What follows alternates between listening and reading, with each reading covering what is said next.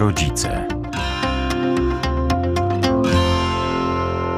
Krzysztof Mysiak ten program zrealizuje, a sprzed mikrofonu kłania się Magdalena Lipiec-Jarmek. Razem ze mną Marta Weszyńska, wyznanie matki wariatki.pl. Mama dwóch córeczek, już pan nic, jak to się drzewi, tak bywa, mawiało i bywało. Rzeczywiście niesamowity czas. Czas, który już się zakończył, czyli czas wakacji, a przed nami te pierwsze dzwonki, plecaki, kompletowanie wszystkiego, co potrzebne do szkoły kiwasz ze zrozumieniem głową, tak? Tak, bo dzisiaj widziałam w internetach pięknego mema. Oręż dziecka pierwszego dnia szkoły, plecak. Oręż rodzica, budzik i kawa. tak, no rzeczywiście tych e, memów i różnego rodzaju śmiesznych sytuacji związanych e, niekoniecznie z pierwszym, a właśnie z czwartym dniem września, czyli momentem, kiedy dzieci już wyszły za próg domu, to ta taka radość, kiedy, yy, prawda, tak, dzisiaj już trzeba ściągać i jest yy, z tych łóżek, tak, ale jest taka wolność w domu, no bo nie ma dzieci, tak? Nie odczułam tego, bo ja też musiałam wcześniej dużo wstać, a ponieważ nie mam Grześka teraz w najbliższych dwóch tygodniach, to wszystko spada na moją głowę. A wszystko to jest całkiem sporo. To jest cała logistyka wrześniowa. Tak. Uzgadnianie planów różnorakich. E, zebrania, które o, się... Tak. To jest po prostu dramat, który się pokrywa. Na szczęście w tym roku, o dziwo chyba, jeśli dobrze zrozumiałam, moje dzieci nie pokrywają się, więc e, będę miała trochę więcej luzu, ale musiałam e, zrezygnować z innych rzeczy, które miałam już zaplanowane, e, żeby pójść na zebrania, bo stwierdziłam, że w zeszłym roku byłam może na jednym, u jednej tylko raz w ogóle w, przez cały rok u kogokolwiek, więc w tym roku przez to, że jestem sama, to, to muszę. To muszę. Nie ma kto zastąpić. Tak, nie ma mnie kto zastąpić i muszę i aż to pierwsze zebrania e, u Martyny, no bo wypada, a u Zuzi przez to, że to już ósma klasa, więc chciałabym... Tym bardziej się, wypada. Tym bardziej wypada, więc no, coś tam chciałabym się zaangażować, chociaż no, po to, żeby wiedzieć, jak na przykład, kiedy będą te egzaminy i co trzeba, jak, jak jakoś pomóc, czy tak jak Zuzia mi powiedziała. W ogóle jak to wszystko funkcjonuje, to rzeczywiście to duży znak zapytania. No właśnie, e, także tak, e, no ten dzwonek dzisiaj był taki, że po raz pierwszy od niepamiętnych czasów przerzucałam budzik e, jeszcze pięć minut, jeszcze pięć minut, jeszcze. I potem jak ja wyrwałam e, z łóżka, bo już było tak późno, że e, już, już nie można było nawet minuty dłużej poleżeć, tak dziewczyny usłyszały trzaski, bo ja się tam potknęłam, coś po prostu też tak szybko, się same się już obudziły, tak, więc e, one, mamo, co się stało? Bo się, bo zaśpicie do szkoły w ogóle pierwszego dnia. O nie, mamo, nie, no jeszcze chwilę, jeszcze chwilę. Ja mówię, nie, mam swoje... Wstajemy. Wstajemy, koniec, kropka, za 25 e, minut musimy wychodzić. No to jak wstały na baczność, to o dziwo, naprawdę bez marudzenia wyskoczyły z tego łóżka. Czyli może czasem taki zimny, prysznic. nagły prysznic poranny. Dla wszystkich jednocześnie. Zaczynamy wszyscy od nowa. Jest w stanie wszystkich przebudzić. Myślę, że tak, bo dzisiaj jak powiedziałam, jak, że wychodzę e, do radia, że o godzinie 22 mają wszystkie e, odłożyć, już nie, nic nie przedłużam, żadnego czasu internetowego, już nie mają internetów. E, mają już Śpimy. Mieć, e, zgaszone światła, a Zuzia, czyli starsza, Dopiero o 22? Aha. Także ciężki poranek, długi dzień, wiele emocji spowodowało, że one same e, czekają na moment, kiedy mogą pójść do łóżka. Więc... Ja ciągle mam gdzieś w uszach takie zdanie z twoich opowieści rodzinnych, kiedy to twoje dzieci same dobrze wiedziały, że należy się trochę wcześniej położyć spać, tak. bo potem rano są nie do One cały czas są. E... Więc pomiędzy 20 a 21 to już tak tak wyciszenie. Było. To tak było, teraz są już trochę starsze i Zuzia już wcześniej taki etap miała i Martyna widzę, że też wchodzi e, w ten etap, więc dla mnie, e, znaczy dla mnie, dla nich e, to ten etap, kiedy mają już wszystko odłożyć, mogą sobie nie spać jeszcze, ale już leżeć w łóżkach w zgaszonych światłach jest godzina 22. Tak, to już jest przedłużenie. To już kompletny deadline. Tak, to już jest taki deadline, deadline totalny. O 21 e, mają się kąpać, ostatnie porządki, a też już bez telefonów, mogą mieć światła jeszcze zapalone, bo tam coś tam mają, ale mamy twarde reguły, których się trzymamy, bo one same są też tego świadome, że po prostu są nieprzytomne następnego dnia, a wiedzą, że ja jestem bardzo zła rano, jak się y, nie wyrobimy na, na czas, więc one się że też troszkę starają. tych kilometrów musicie pokonać, żeby tak, do szkoły dojechać, no, tak? Tym bardziej, że mamy swój taki, e, ja się śmieję, tak, tak, taki nawias e, czasowy, w którym musimy wyjechać od nas, żeby nie stanąć w korku i żeby dojechać spokojnie do szkoły. I one wtedy rzeczywiście mają 20 minut jeszcze przed lekcjami, bo jesteśmy za 28. Ale wystarczy, że 5 minut później wyjedziemy, mimo takiego czasu, to potrafimy I takiego się, zapasu później. I takiego zapasu, to potrafimy się spóźnić nawet 15 minut e, po ósmej przyjechać. Więc dla mnie to jest po prostu e, musicie wyjść do 12 po 10 po już musimy siedzieć w samochodzie, żeby 12 po najpóźniej e, odkręcić e, te przysłowiowe kluczyki i, wyjechać, bo po prostu inaczej będziemy stać i się spóźnicie. Także wyskoczyły rzeczywiście, no ale dzisiaj e, Martynie krew z nosa już leciała, już tak jak wracałyśmy ze szkoły, jakieś tam rzeczy, walizkę, jak ja się śmiałam, że powinnam jej wózek widłowy do szkoły, bagaże jej przynieść, bo to skrzynki właśnie z zeszytami, z jakimiś teczkami, a ona jeszcze, a bo jak pierwszy dzień, to na pewno nie będzie lekcji, a to koraliczki, a to coś tam, jeszcze jakiś album ze zdjęciami. Mówię, dziecko, przecież ta skrzynka i ten plecak to ważą tonę. A ona po prostu już wszystko i wszystkie zeszyty, wszystko co mogła to zabrała. No ale dzisiaj widzę, że... To widzę, że tak, tak sama z siebie. No, tak, niestety tak, tak, tak. są takie szkoły, które przywitały informacją, że na przykład będzie mniejsza sala, albo też będą zmieniane sale w trakcie zajęć i nie ma miejsca do przechowywania podręczników, więc o. E, czuję sama ten ból w krzyżu, pomimo, że... To na szczęście u nas są te skrzynki, są sale bez zmian. Tak, i... u nas też, ale od klas 4-8 to u nas od samego na szczęście początku. I, o, I co się ucieszyłam, bardzo fajny plan lekcji znowu mamy, więc naprawdę jestem zadowolona i... Jak to dobrze, że jest ktoś, kto się cieszy z rozpoczęcia roku szkolnego. Znaczy one też się cieszą, bo najpóźniej kończą o 15. No, Zuzia, bo Martyna kończy e, o 14, tam chyba raz o 13. Wszystko w takim rytmie od 8, tak? Tak, tak. Ós mają trzy, obie mają nie, chyba Zuzia ma codziennie na ósmą, a Martynka ma trzy razy na ósmą oraz na ósmą pięćdziesiąt, więc naprawdę to są takie godziny bardzo ludzkie. Oczywiście ciężko będzie na początku, ale i tak e, potem popołudnia mają spokojnie i mogą sobie planować. Zuzia tam uczyć się, Martyna, nie wiem, też nadrabiać zaległości albo mieć na, na bieżąco wszystko, także mają tak. dobry plan. Wspomniałaś jakieś koraliki, albumy ze zdjęciami, e, to nie wiem, jakieś pamiątki z wakacji, bo takie zadania domowe też dzieci Są otrzymują, właśnie, tak, prawda? E, tak. Dzisiaj Przynieś swoje pamiątki z wakacji, oczywiście rozwin historię i opowieść, e, to, ale to jest szalenie miłe. U nas akurat już na tyle duże są te dzieciaki, że Zuzia ma napisać swoje wymarzone wakacje, jak ona e, wyobraża sobie swoje wymarzone wakacje, więc to taka nowość. A Martyna dzisiaj miała krótkie opowiadanie e, najciekawsze chwile ze swoich wakacji, a jutro wiem, że będzie miała e, napisać e, razem z dialogiem o, o, tych chwilach. Także już bez tych pamiątek, ale między sobą dzieci. One się nie widziały przez ten czas, więc one tam tylko wy, wymieniały jakieś krótkie wiadomości. Tak, bo to... Nie było czasu zjeść, zajrzeć do kanaperki. Tak. To, ale to też są jakby zrozumiałe momenty, no, prawda? oczywiście. Ja dlatego myślę, że te pierwsze lekcje, zwłaszcza po takiej przerwie w, w szkołach, gdzie te dzieci nie mieszkają na jednym osiedlu, bo to jest szkoła, tak. która zbiera dzieci z całego Lublina. Ale e, coraz więcej jest no, takich i właśnie szkół. tak. Coraz... A nawet jeśli mieszkają, Dokładnie, to nie, każdy nie ma takiego w ogóle, nawet takiej tradycji, tak, że no to przecież te parę ulic możesz sama przejść, podejść no. i się mhm. spotkać, prawda? To jest, no, to jest znaczy, też to, niesamowite. To, jest, e, to nie ma, że tradycji, tylko ja bym powiedziała, że to wina rodziców, którzy e, trzymają na kluczu te dzieci i wolą, żeby grało nie wiem, na konsoli w pokoju, bo będzie bezpieczniejsze, niż żeby wyszło na e, plac zabaw. I mi strasznie brakuje tego, że właśnie na naszym osiedlu nie ma e, takich dzieci. No, Martyna poznała ostatnio parę domów dalej, więc jakiś tam kontakt e, jest. No ale brakuje tego.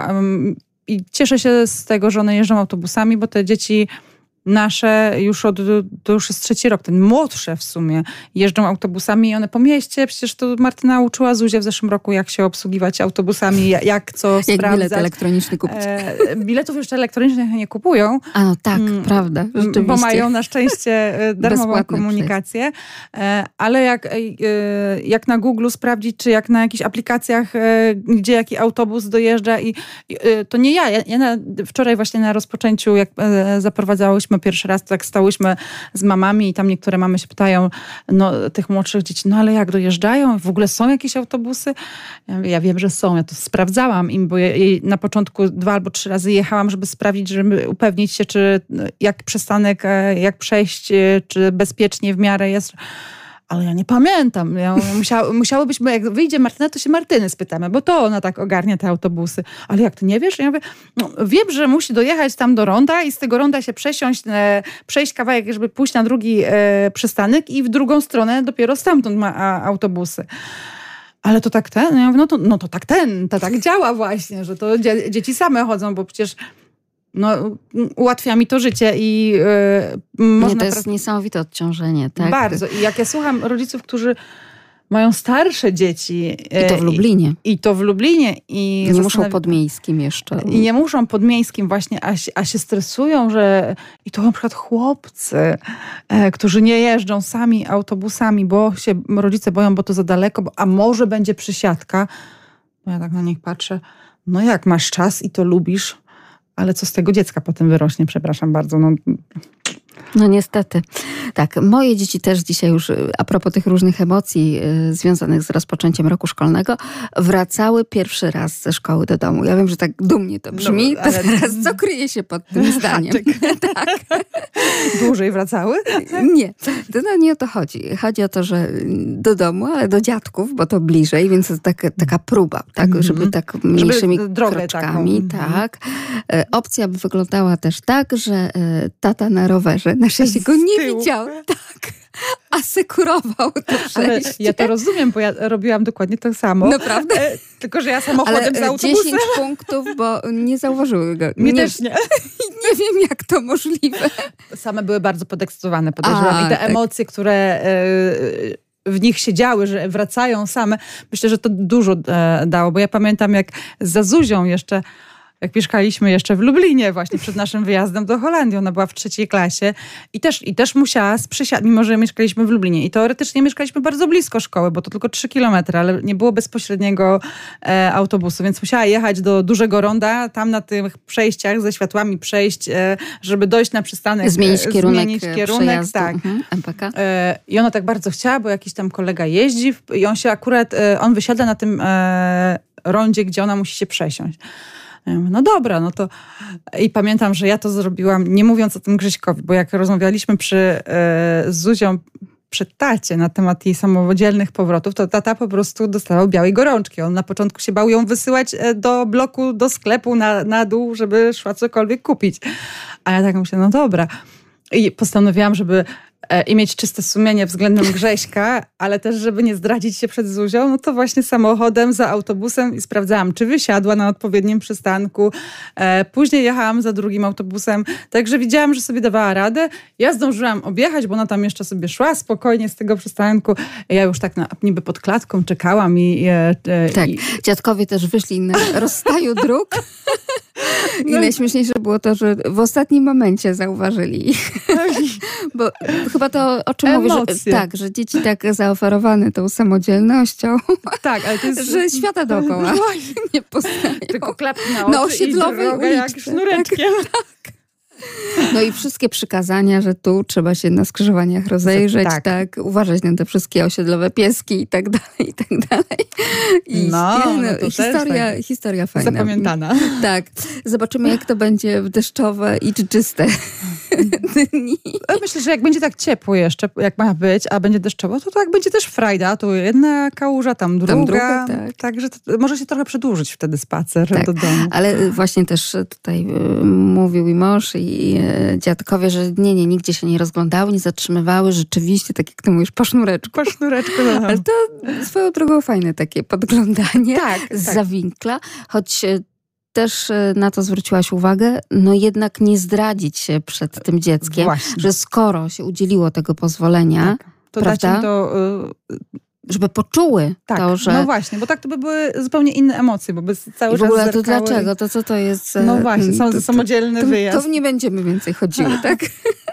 Bo jak tata mógł jechać, to czemu za nami, a nie z nami na przykład, tak, nie? Tak, nie. To, to... Bo jak, ja, jak mogłam przyjechać samochodem, to przecież mogłam już ją zabrać, a po co ona autobusem miała, więc tak... Tak, tak. Więc tutaj trzeba zachować jednak... E, tak. To, jednak to rodzicielstwo jest rzeczywiście bardzo wymagające. Tak? I trzeba się trzeba... uczyć szpiegostwa.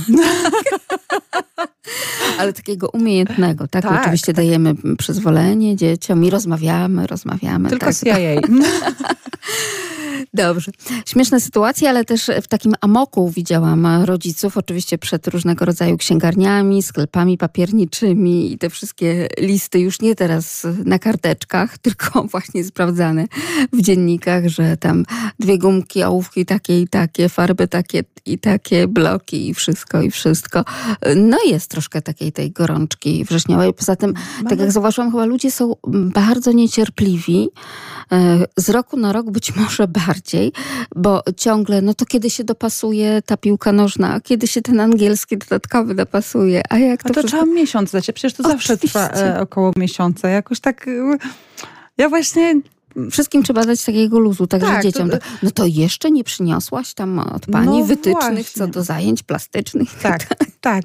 E, chociaż e, my byliśmy wczoraj w centrum handlowym bo zabrakło mi rzeczy. Już chciałam zrobić za, takie zakupy, żeby zacząć gotować e, lunche, obiady i wszystko, żeby mieć już, e, że tak powiem, weki e, szkolne przygotowane na ten tydzień. E, I wczoraj było mnóstwo, naprawdę, ale po prostu mnóstwo ludzi. I to właśnie przy tych e, punktach papierniczych, czy tam, gdzie na spożywkę poszłyśmy, no to te działy z, właśnie z tymi papierniczymi zeszytami no, Armagedon. Zresztą po samym, e, i to tak właśnie w godzinach około 11-12, gdzie wydawałoby się, że to już jeszcze są ludzie w pracy, no ale wszystkie koń, rozpoczęcia się skończyły, wszyscy dostali te wytyczne, więc jak... Tak, nawet jeszcze dzieci w galowych strojach szkolnych. Tak, tak, właśnie same białe koszulki i rodzice właśnie. Ja się tak śmiałam, bo w sumie ja też byłam rodzicem z dziećmi w białych koszulkach, tak. więc tylko ja po spożywkę. Już moje dzieci miały wszystko kupione na szczęście, ale mnóstwo, naprawdę, e, ja się śmiałam, że e, parking był tak e, zawalony, jak e, przed jakimiś świętami albo w jakieś weekendy deszczowe, kiedy nikt nie wie, co ze sobą zrobić, to cisną ludzie właśnie do, do centrum, centrum handlowego. handlowego. Tak. Więc byłam w szoku, no bo ja na przykład z takimi zakupami jak zeszyty, nie wiem, właśnie ołówki, kredki, nigdy nie czekam. Zresztą nie kupujemy nowych przede wszystkim. To, to nie są rzeczy, które e, kupujemy co wrzesień, czy tam co, e, co rozpoczęcie roku nowe. Dziewczyny mają swoich zestawów, one bardzo lubią rysować, e, malować, bawić się w ogóle tymi plastycznymi rzeczami, więc ja mam szufladę i tam jak się coś kończy, to one wiedzą, że tam znajdą. I oczywiście zeszyty sobie wybierają e, Martyna w lipcu, pod koniec lipca sobie już wybierała zeszyty, które chciała e, pod dany przedmiot, ale Zuśka nawet na to nie zwróciła uwagi. Ona sobie wyciągnęła... Bo no ja, starsze dzieci to, prawda... No właśnie. I ja, ja po prostu mam, jak w ciągu roku gdzieś tam kupię, bo wiem, że się tej kończy, tej może się za chwilę skończyć, więc e, kupuję trzy czy cztery zeszyty w kratkę i wrzucam do tej szufladki. Tak samo robię z, z jakimiś tam gumkami, klejami, które, takimi rzeczami, które się zużywają, utylizują i trzeba mieć na bieżąco. Więc to są rzeczy dla mnie takie, no po prostu są. No, mimo wszystko z tego twojego opowiadania mm, wynika to, jak dobrze zorganizowaną mamą jesteś. No i ta logistyka domowa właśnie się na tobie opiera. Także jednak w czasie wakacji myślimy tak o, o takich wakacjach. rzeczach. Dobrze. Ja o wakacjach. To moje dziecko w tym roku zaczęło. Ale ja myślę, że to też e, z czasem i z rozwojem, tak? No bo jeżeli jest e, klasa 1-3, no to to przebieranie, że jednak niech będzie kangurek e, na zeszycie do matematyki wyrysowany, bo kangurek to się z kangurkiem, konkursem matematycznym, tak, tak. Ulubionym rodziców pandemicznym. Niech do polskiego, tak. niech do języka polskiego będą misie, kotki, pieski i tak, tak. dalej. Więc to już mija później. Tak, to, to mija. Chociaż Martyna właśnie miała tak, że ona chciała sobie wybrać, bo ja jej pokazałam, przecież masz tutaj zaszyty. No i poszłyśmy do sklepu. No i sobie powybierała. I nie wcale nie chodzi o to, że to mają być właśnie jakieś tam rysunki, nie wiadomo jakie, czy jakieś tam sztywne okładki, jakieś drogie. Po prostu jakieś tam sobie powybierała i to, że tak powiem, w tak zwanym dyskoncie, w najtańszym sklepie ona tam chciała i koniec, kropka. I, i to Boże, dobrze, no co ja się tam będę przejmować. Zeszytem, nie no, który... twarde okładki do zeszytu. Przecież to nie da się pisać. Nieporozumienie, to po no pierwsze. Właśnie.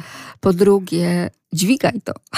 To dwa, a trzy jeszcze są zeszyty modne z kołowrotkami. A ja już tego w ogóle nie tak, rozumiem. koło notatniki. Tak, tak. No rzeczywiście w starszych klasach. Studenci. Tam, tak. tak, bo to sobie przerzucą. No, ale dziecko nie dość, że uczy się dopiero, więc te koło notatniki są strasznie grube też, więc ten nadgarstek inaczej się układa. Już... No ale tam nie ma gdzie i jak wprowadzić tego pióra czy długopisu, tak, do no tego, właśnie. żeby pisał. Więc...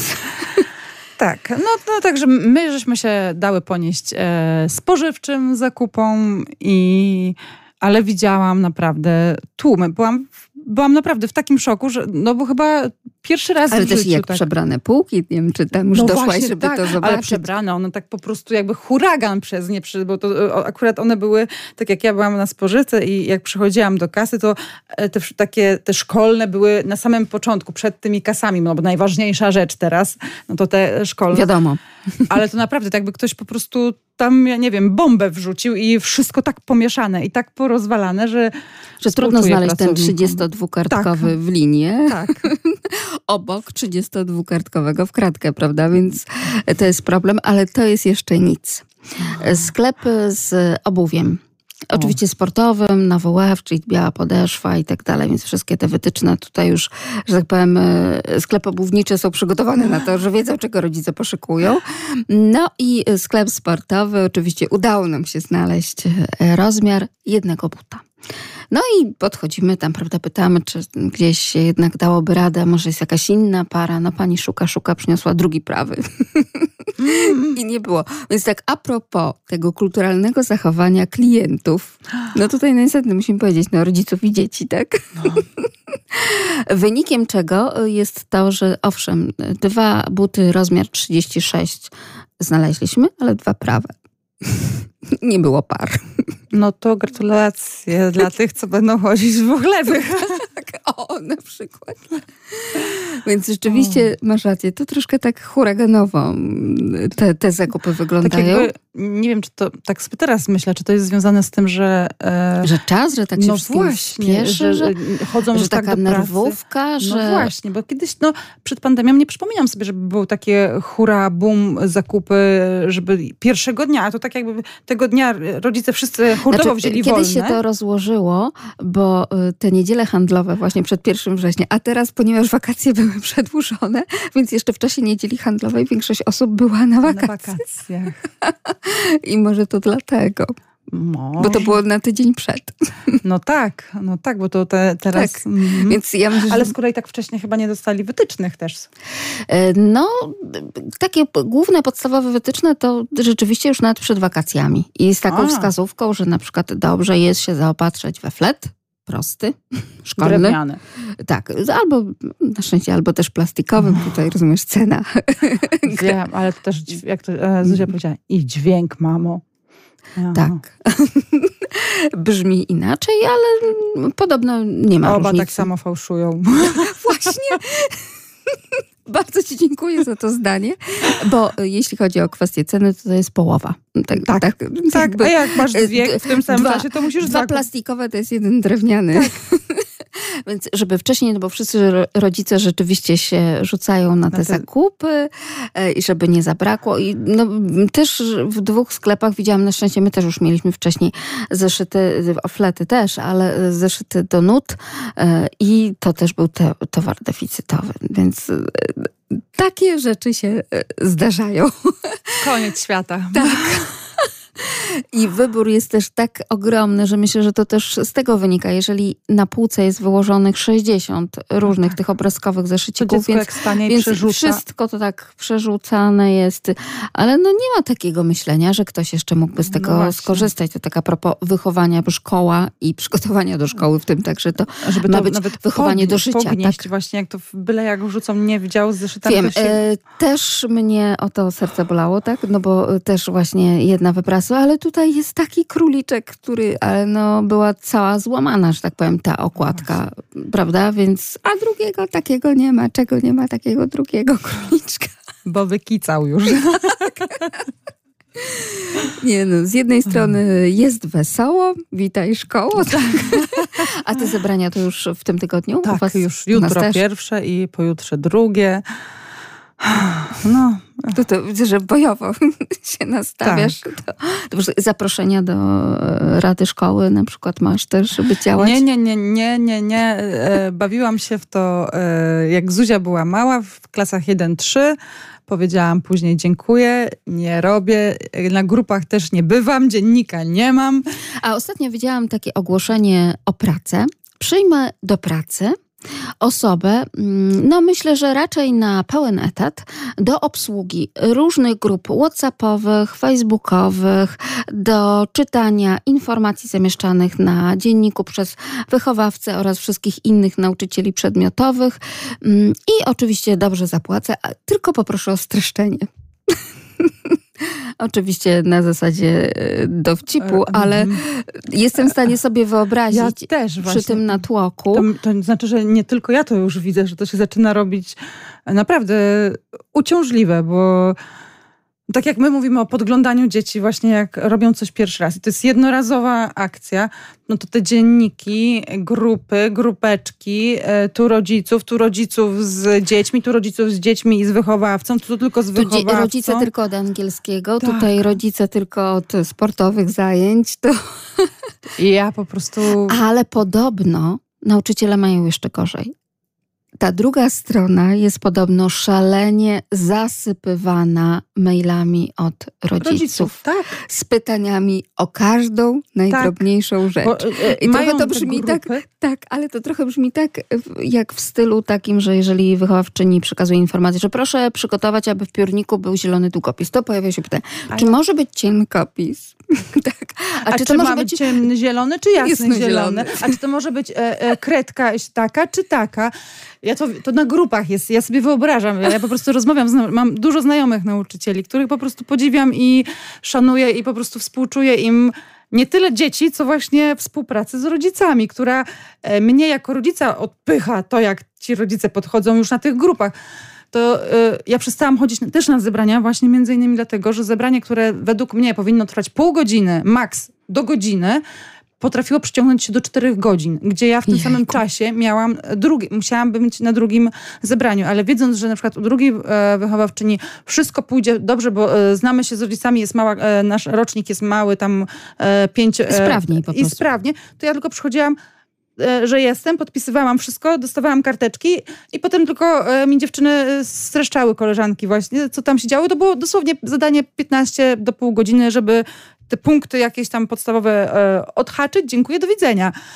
A w klasie jednej z moich kochanych córek, nie będę mówiła głośno, po prostu tam jest dyskusja o to, o każdym szczególe. O każdym o tym, jaki, e, jakie gramatury kartki w ogóle trzeba wybierać już. Bo, bo no, nie umiem powiedzieć, e, jak można w ogóle ludziom zabierać czas nawet, o takie głupoty. Ale też nawet jeżeli jest jakaś wytyczna, prawda, czy od dyrekcji, czy od... To może czasami warto po prostu przyjąć... Do wiadomości, dziękuję, kropka, do widzenia. I tak, dostosować i tyle, tak? I jakby nie... To nie jest problem. Idziesz do sklepu, kupujesz ryzę papieru, albo jak nie kupujesz, to składasz się, bo tam... I co cię interesuje, jak, jaką pani tam chce ryzę, bo, bo co? Bo to są naprawdę takie pierdoły czasami.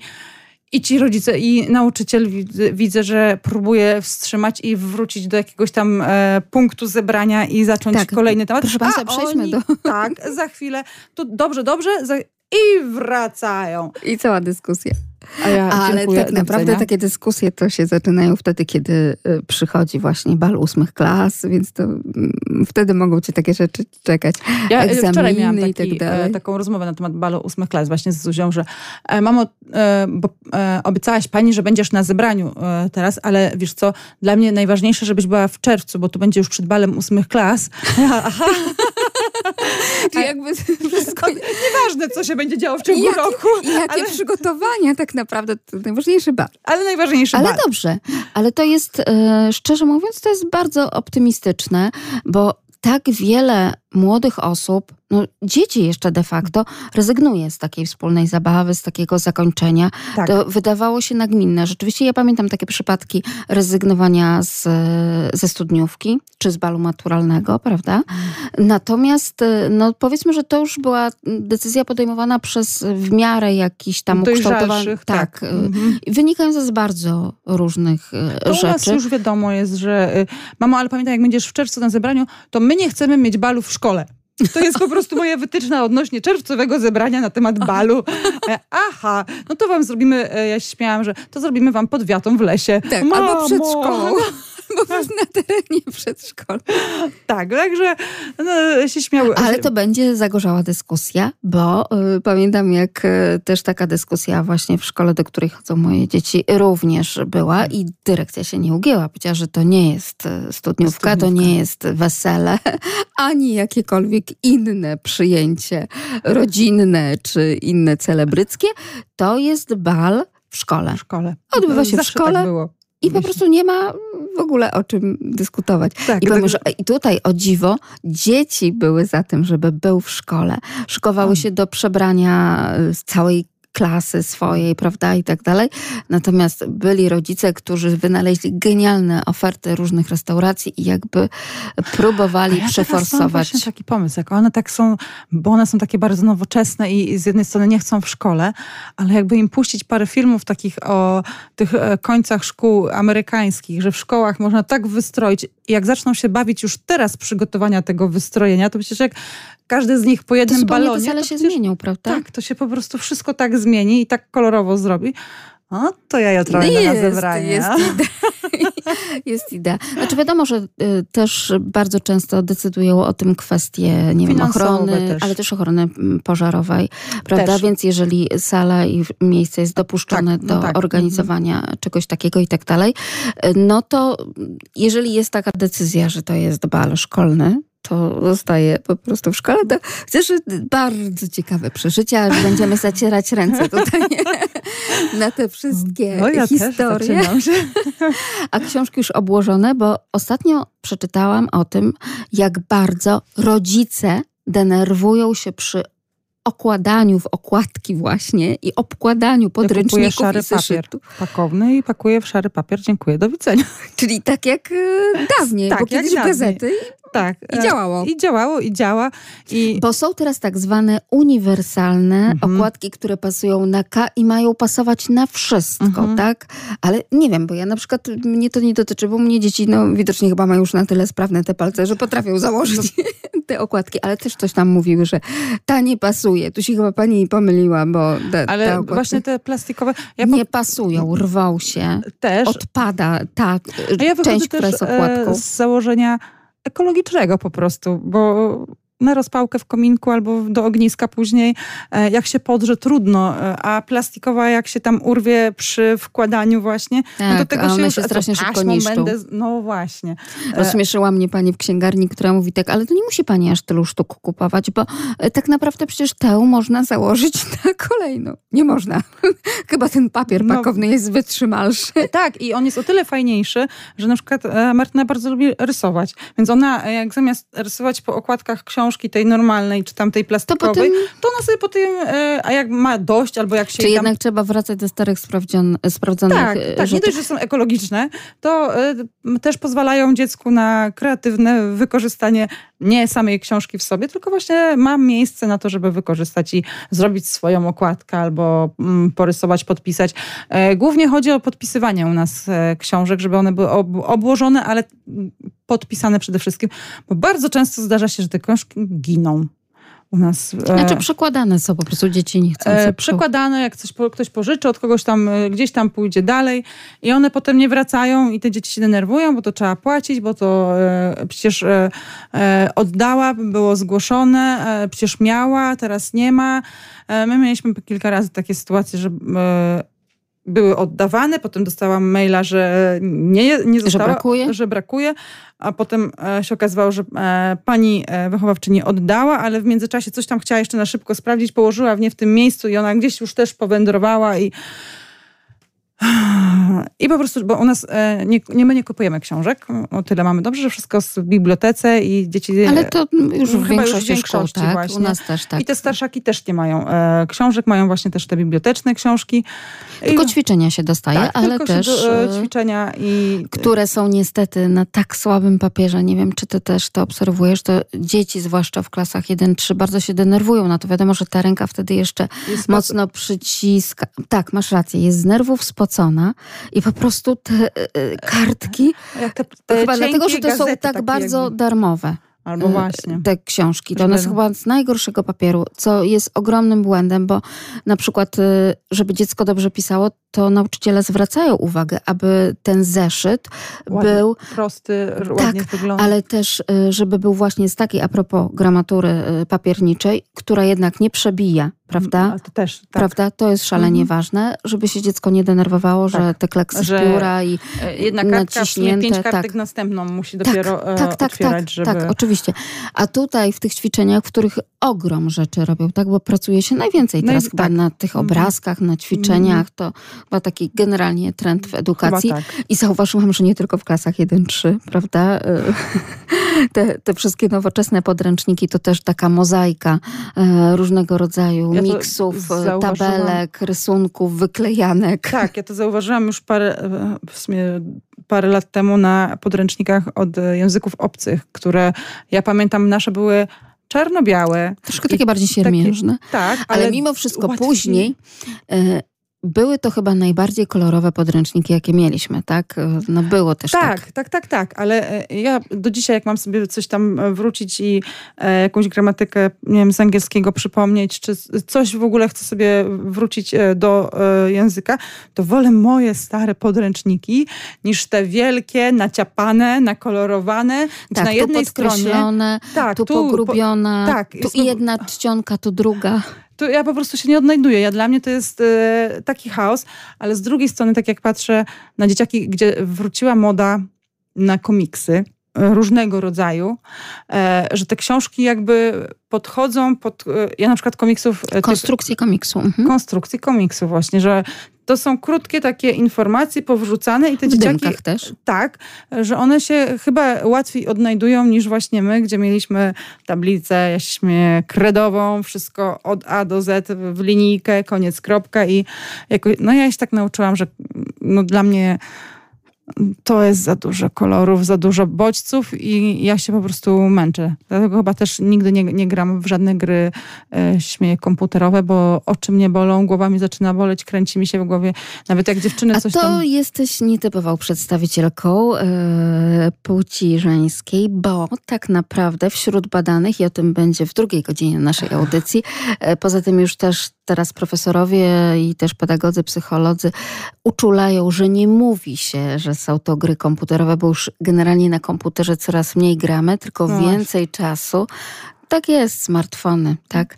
E, na tym poświęcamy, ale o dziwo, o ile zawsze mamy takie wyobrażenie, że to jest jakiś taki nastolatek siedzący gdzieś tam u siebie w pokoju, chłopiec, tak? Który krzyczy, mamo, jeszcze jeden poziom tylko mhm. przejdę, to ostatnie badania pokazują, że są to kobiety w takim naszym targecie wiekowym. Naprawdę? I to one częściej niż mężczyźni, bo wydawałoby się to jest bardzo ciekawa rozmowa, o, także zachęcam no Państwa tuż po 23. Naprawdę najnowsze badania, które oczywiście mają związek także z naszym trendem rodzicielskim, ale także dobre badania przedstawione również e, nauczycielom pracującym w szkole, jak to wszystko wygląda, także jeśli chodzi o czat GTP, jeśli chodzi także o... GTP. Tak, jeśli chodzi o inteligencję komputerową, i internetową, która pomaga naszym dzieciom ostatnio we wszystkim, więc polecamy wysłuchanie.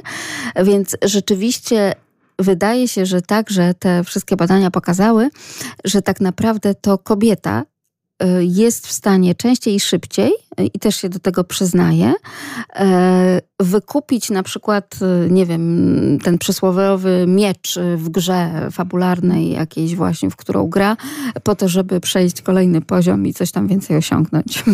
Nie cierpię. Jedyne gry na telefonie, które miałam, bo teraz już nie mam w ogóle nic, bo na telefonie nie mam pamięci, więc mam tylko telefon, wiadomości i zdjęcia, e, to były gry krzyżówki. Tak, i też w to bardzo często kobiety grają, w słówka, w krzyżówki, w skrable. Tak, no to było... Mm, tak.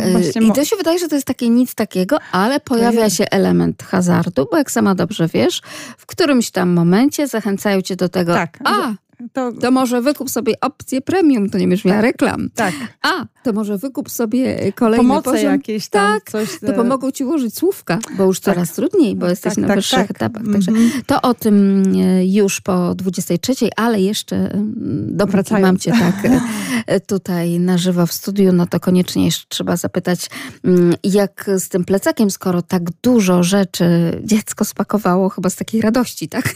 Tak, że już wszystko ma wszystko, tak, że jak, chyba jedna z pierwszych... To jak ona z tym plecakiem w jednym, w drugim, trzecim w autobusie? E, jeszcze w tym tygodniu powiedziałam, że będę po nie przyjeżdżała, bo no bardzo dobrze, bo jak Martynie, e, że tak powiem, krew z nosa poszła, to znaczy, że osłabiona jednak i te emocje i wszystko było tego za dużo.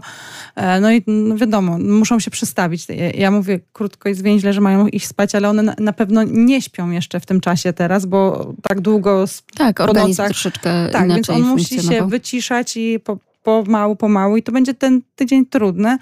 Chociaż jutro Martyna chce wracać już e, do, ze szkoły z koleżanką, bo koleżanka się przeprowadziła z klasy w nasze okolice, więc o. E, będzie ją uczyła autobusami właśnie się poruszać i e, będą wracały do nas, no bo my będziemy na zebraniu, więc będzie im, im łatwiej. Ale one nie biorą tych plecaków. One tylko wczoraj właśnie, jak ja samochodem, wczoraj czy dzisiaj? Boże, ja już... Wczoraj było rozpoczęcie, to nie, tak. to dzisiaj. dzisiaj. Dzisiaj był pierwszy dzień, kiedy z plecakami szły. To dzisiaj tą teczkę, znaczy ten ten plastikowy pojemnik wielki i plecak cały, to dzisiaj e, zawoziła, a jak już wracała, to tylko e, to, co jednak nie było do szkoły, czyli te koraliczki, pudełka, jakieś tam te albumy, wracały e, do samochodu, a wszystkie zeszyty, już wszystko zostało w szkole, także tylko w piórnik i WF w plecaku nosi. I to, co sobie tam dodatkowego Wybierz. napakuje. Tak. tak.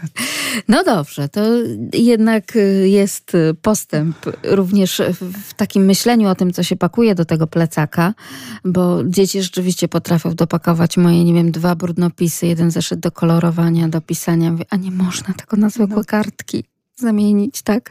Po co to jeszcze tyle no właśnie, to, to? To, a, e, ja, ja, pamiętam w zeszłym roku, jak sprzątałam co jakiś czas Martynę plecak, przecież ona te wszystkie kartki właśnie, ona nie brała tych, ale kartek tam upychała, upychała i, mówię, i za każdym razem... A bo to mówię, mi ten narysował, a to tam, a to tak. tutaj, to... I tak chwytam, ja i nie noszę plecaków, ale od czasu do czasu jest tak, że po prostu chwycę, nawet w domu jak coś mam przełożyć i Jezu, jakie kamienie w tym plecaku. I wtedy otwieram. Nawet jeżeli został kupiony z metką najlżejszy na rynku. No nie, no. To nic nie daje, tak? U nas nie Oszczędzający plecy twojego dziecka. Oddychająca powłoka i wszystko inne. Po nic, prostu to nie ma nic, bo ona ma po prostu kilka przegródek i w tych przegródkach na, na, a jak ja wyciągam te kartki, to okazuje się, że na dnie są pogniecione już stare, jakieś, w które były po prostu wbijane. Mówię, dziecko, przecież to waży tonę, to, to masz ryzę tych e, różnych wycinanych, kolorowanych, e, różnych jakichś liścików, po prostu wszystkiego. I już przestałam w pewnym momencie pokazywać jej, że to robię, wyciągam i wszystko spalam od razu, bo to po prostu... Znaczy tak, no, zgromadzenie tego wszystkiego, jeśli chodzi o pracę dziecięce, to od wczesnych y, czasów, Zbieramy przed, przed, też, Bo też mamy tak, takie kartony z pamiątkami, ale ja widzę, że to nie są żadne wartościowe rzeczy, to są brudnopisy często, bo to one jak upycha jedno w drugie, gdzie jak wyciągam te z, z dna, które one naprawdę wyglądają już jak e, wymięte, wyplute i podarte, ale zamiast ona je wyciągnąć, to ona tylko dokłada i dokłada i dokłada. To ja mówię, o no, no.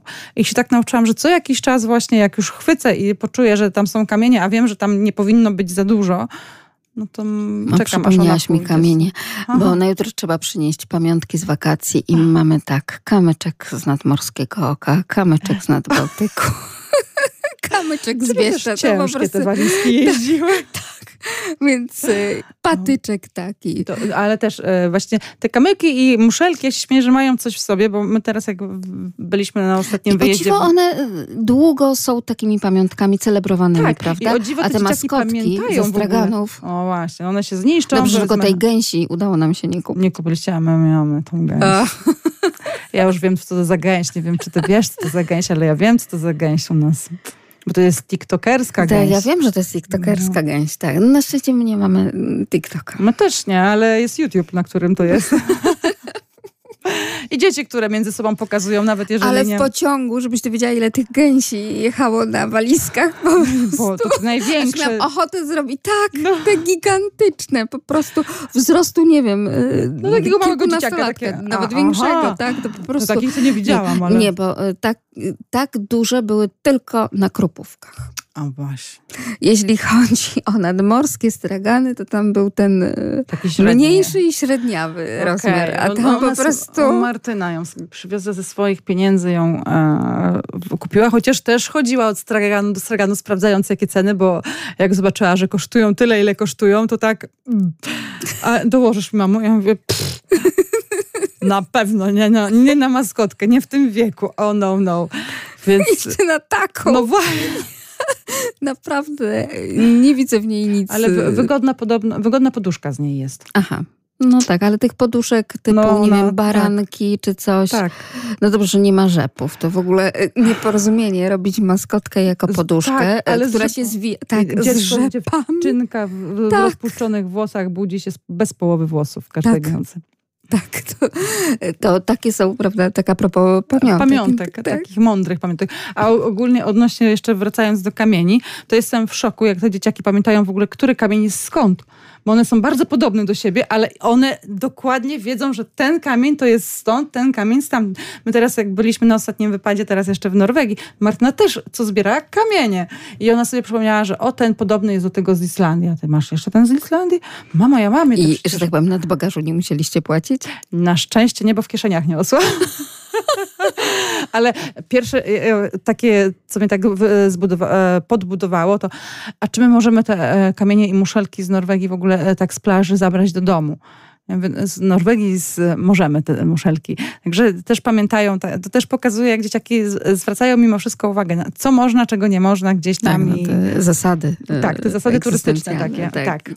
Gdzie, co i jak, czy tutaj w ten sposób. Tak, no, niestety nie było takiego znaku, że gęsi na przykład do pociągu nie wsiadają.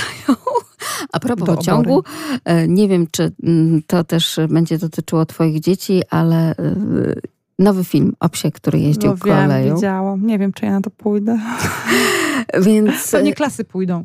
Y, Szkoły będą Więc y, ja już byłam, tak, z dziećmi i muszę ci powiedzieć, że to, nie? to w ogóle nie jest y, o psie, o który jeździł koleją. Więc A, to, tym bardziej nie. Zwłaszcza, że on nawet był tak reklamowany, że tutaj nikt nie umiera. Że, Naprawdę? Że jest happy end, tak. What? Ale y, tak, wiem, też miałam takie oburzenie, że ja to, ale że... bo to nie jest adaptacja. To jest Aha. po prostu i nawet tam jest y, to zaznaczane y, no to w samym filmie, w, w samym tytuł podać inny, tak. bo to tak mm. właśnie ja powiedziałam, że nie pójdę na to, bo o, mi szkoda było tego pieska tam i Wiem, ale to jest taka wzruszająca, prawda? Ja, też no miałam właśnie, najpierw takie jest... oburzenie, jak to można było zrobić film. Ale to mi się który... nawiązuje, przepraszam, że ci przerwę, no. w ogóle do tego, o czym ostatnio rozmawiałam z moim Grześkiem i e, jak ten świat, mówiąc brzydko właśnie, schodzi na psy. E, że dzieciom się wszystko tak ugładza, żeby to było wszystko takie delikatne, że to wszystko jest piękne, że nie ma złych emocji, e, że nie ma gniewu, nie ma złości, nie ma smutku. I nie ma śmierci. I nie ma śmierci. Jak te dzieci potem wchodzą w dorosłość? Z jaką w ogóle i, Więc tak, wiele osób było oburzonych też tym, e, sięgając do reklamy i do zwiastunów tego filmu, że jak to jest możliwe, żeby e, dzieci nie poznały tego, że przecież ich kotki i pieski też, też giną, chomiki, chomiki umierają zjadają, też. Tak, oczywiście. Kotki. Więc o tym wszystkim, no i ja też taka żłona jak ja to będę walczyć z tym filmem, ale to w ogóle nie jest. To, tam jest nawet taka w środku filmu wzmianka, że prawda, e, nie wiem, czy ci mogę spoilerować. Możesz mi to tak, nie. Nie przeszkadza ci, dobrze. E, że tata y, sięga właśnie do swojego kufra z zabawkami, wśród tych zabawek znajduje się również ta książka i tej książce dziewczynce swojej córeczce opowiada. Ale historia jest zupełnie inna, choć bazująca właśnie na, tej na tak, na tej książce i generalnie eee. na to, ale dobra jest i okay. wzruszająca. Łaskę okay. można uronić. To tak a propos tego, że nikt nie ale ginie, nie, umiera, nie płacze. No dobra. Nie, a też piesek ładnie zagrał i y, widać tak naprawdę całą Polskę z okien pociągu, o. więc to też jest wartościowe.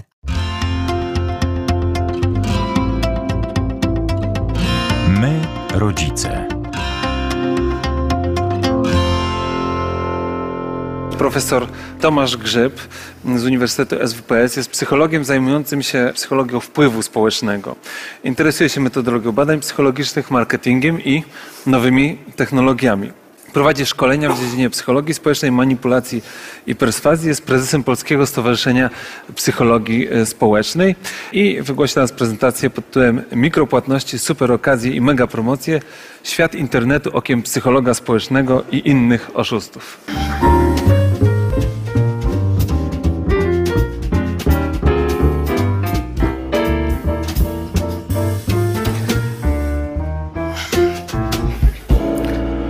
Mili Państwo, ja będę Państwu dzisiaj opowiadał o internecie z perspektywy psychologa społecznego. Co to oznacza? Otóż ja na internet patrzę jak na pewien teren, w którym ludzie po prostu realizują swoje potrzeby.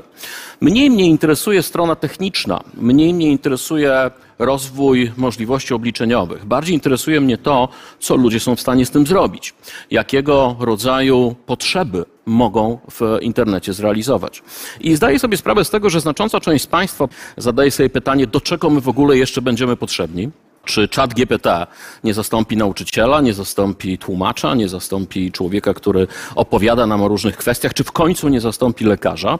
Ale chcę Państwu powiedzieć, że to było także i moje przekonanie, że może ja przestaję być potrzebny, że może ja już nie jestem w ogóle przydatny do czegokolwiek. I kiedy czat GPT stał się otwarty i można było zadać mu pewne pytania, to właśnie to zrobiłem. To znaczy, ja muszę Państwu powiedzieć, że ja naukowo zajmuję się także posłuszeństwem i jednym z takich najbardziej istotnych w historii psychologii psychologii eksperymentów związanym z posłuszeństwem jest tak zwany eksperyment Milgrama, w którym zmuszamy ludzi do tego, żeby razili innych ludzi prądem, sprawdzając do jakiego stopnia są posłuszni.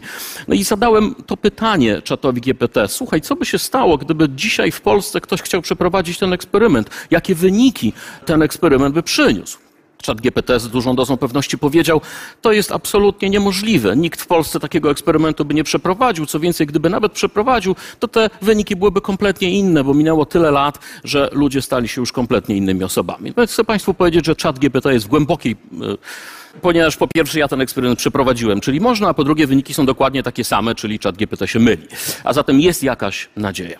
Natomiast, drodzy Państwo, to o czym chcę Państwu dzisiaj opowiedzieć, to przede wszystkim jest myślenie o różnego rodzaju potrzebach, jakie ludzie, ludzie realizują w ramach gier.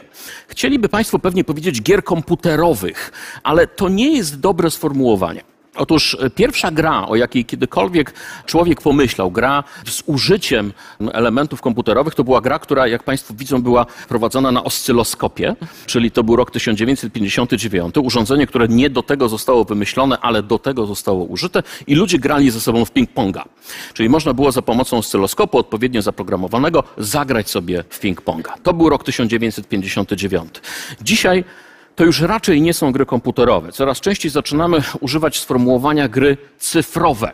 Cyfrowe dlatego, że w coraz mniejszym użyciu są już komputery, a w coraz e, komputery w takim rozumieniu tradycyjnym, czyli na przykład komputery stacjonarne, a coraz częściej są to po prostu nasze smartfony. Tutaj macie Państwo dane prognozujące rzeczywistość, które zostały zebrane w roku 2018. W 2018 roku, jak Państwo widzą, mamy około 140 miliardów dolarów przychodu z gier cyfrowych. Prognozowano, że w 2021 roku będzie to 180 miliardów dolarów, przy czym zdecydowana większość będzie już generowana za pomocą gier mobilnych. No to zobaczmy, jak jest. Ja bardzo lubię sprawdzać tych, którzy prognozują rzeczywistość, bo to zazwyczaj okazuje się mało trafne. Tutaj było dosyć trafne. Jeżeli popatrzymy na rzeczywistość w roku 2022, to ogólne przychody z gier cyfrowych to było ponad 200 miliardów dolarów, przy czym rzeczywiście 45% to są gry, które, które gramy na telefonach komórkowych. Żeby to Państwu jakoś pokazać w pewnym kontekście, 203 miliardy dolarów z jednej strony, z drugiej strony 156 miliardów dolarów, czyli cały budżet polski na rok 2023. A zatem nie trzeba być wybitnym ekonomistą, żeby być przekonanym, że gry cyfrowe to jest znakomity rynek, w którym można zarabiać naprawdę spore pieniądze. No i teraz, drodzy Państwo, kluczowe statystyki dotyczące tego, jak gry mobilne w 2023 roku wyglądają. Po pierwsze, jeśli Państwo zwrócicie uwagę na to, jaki stanowią procent różnego rodzaju aplikacji, które pobieramy na nasze telefony komórkowe, to jest to już od 1 piątej do nawet 1 czwartej aplikacji. A zatem znacząca część tego, co w naszych telefonach komórkowych jest zainstalowane, to są różnego rodzaju gry.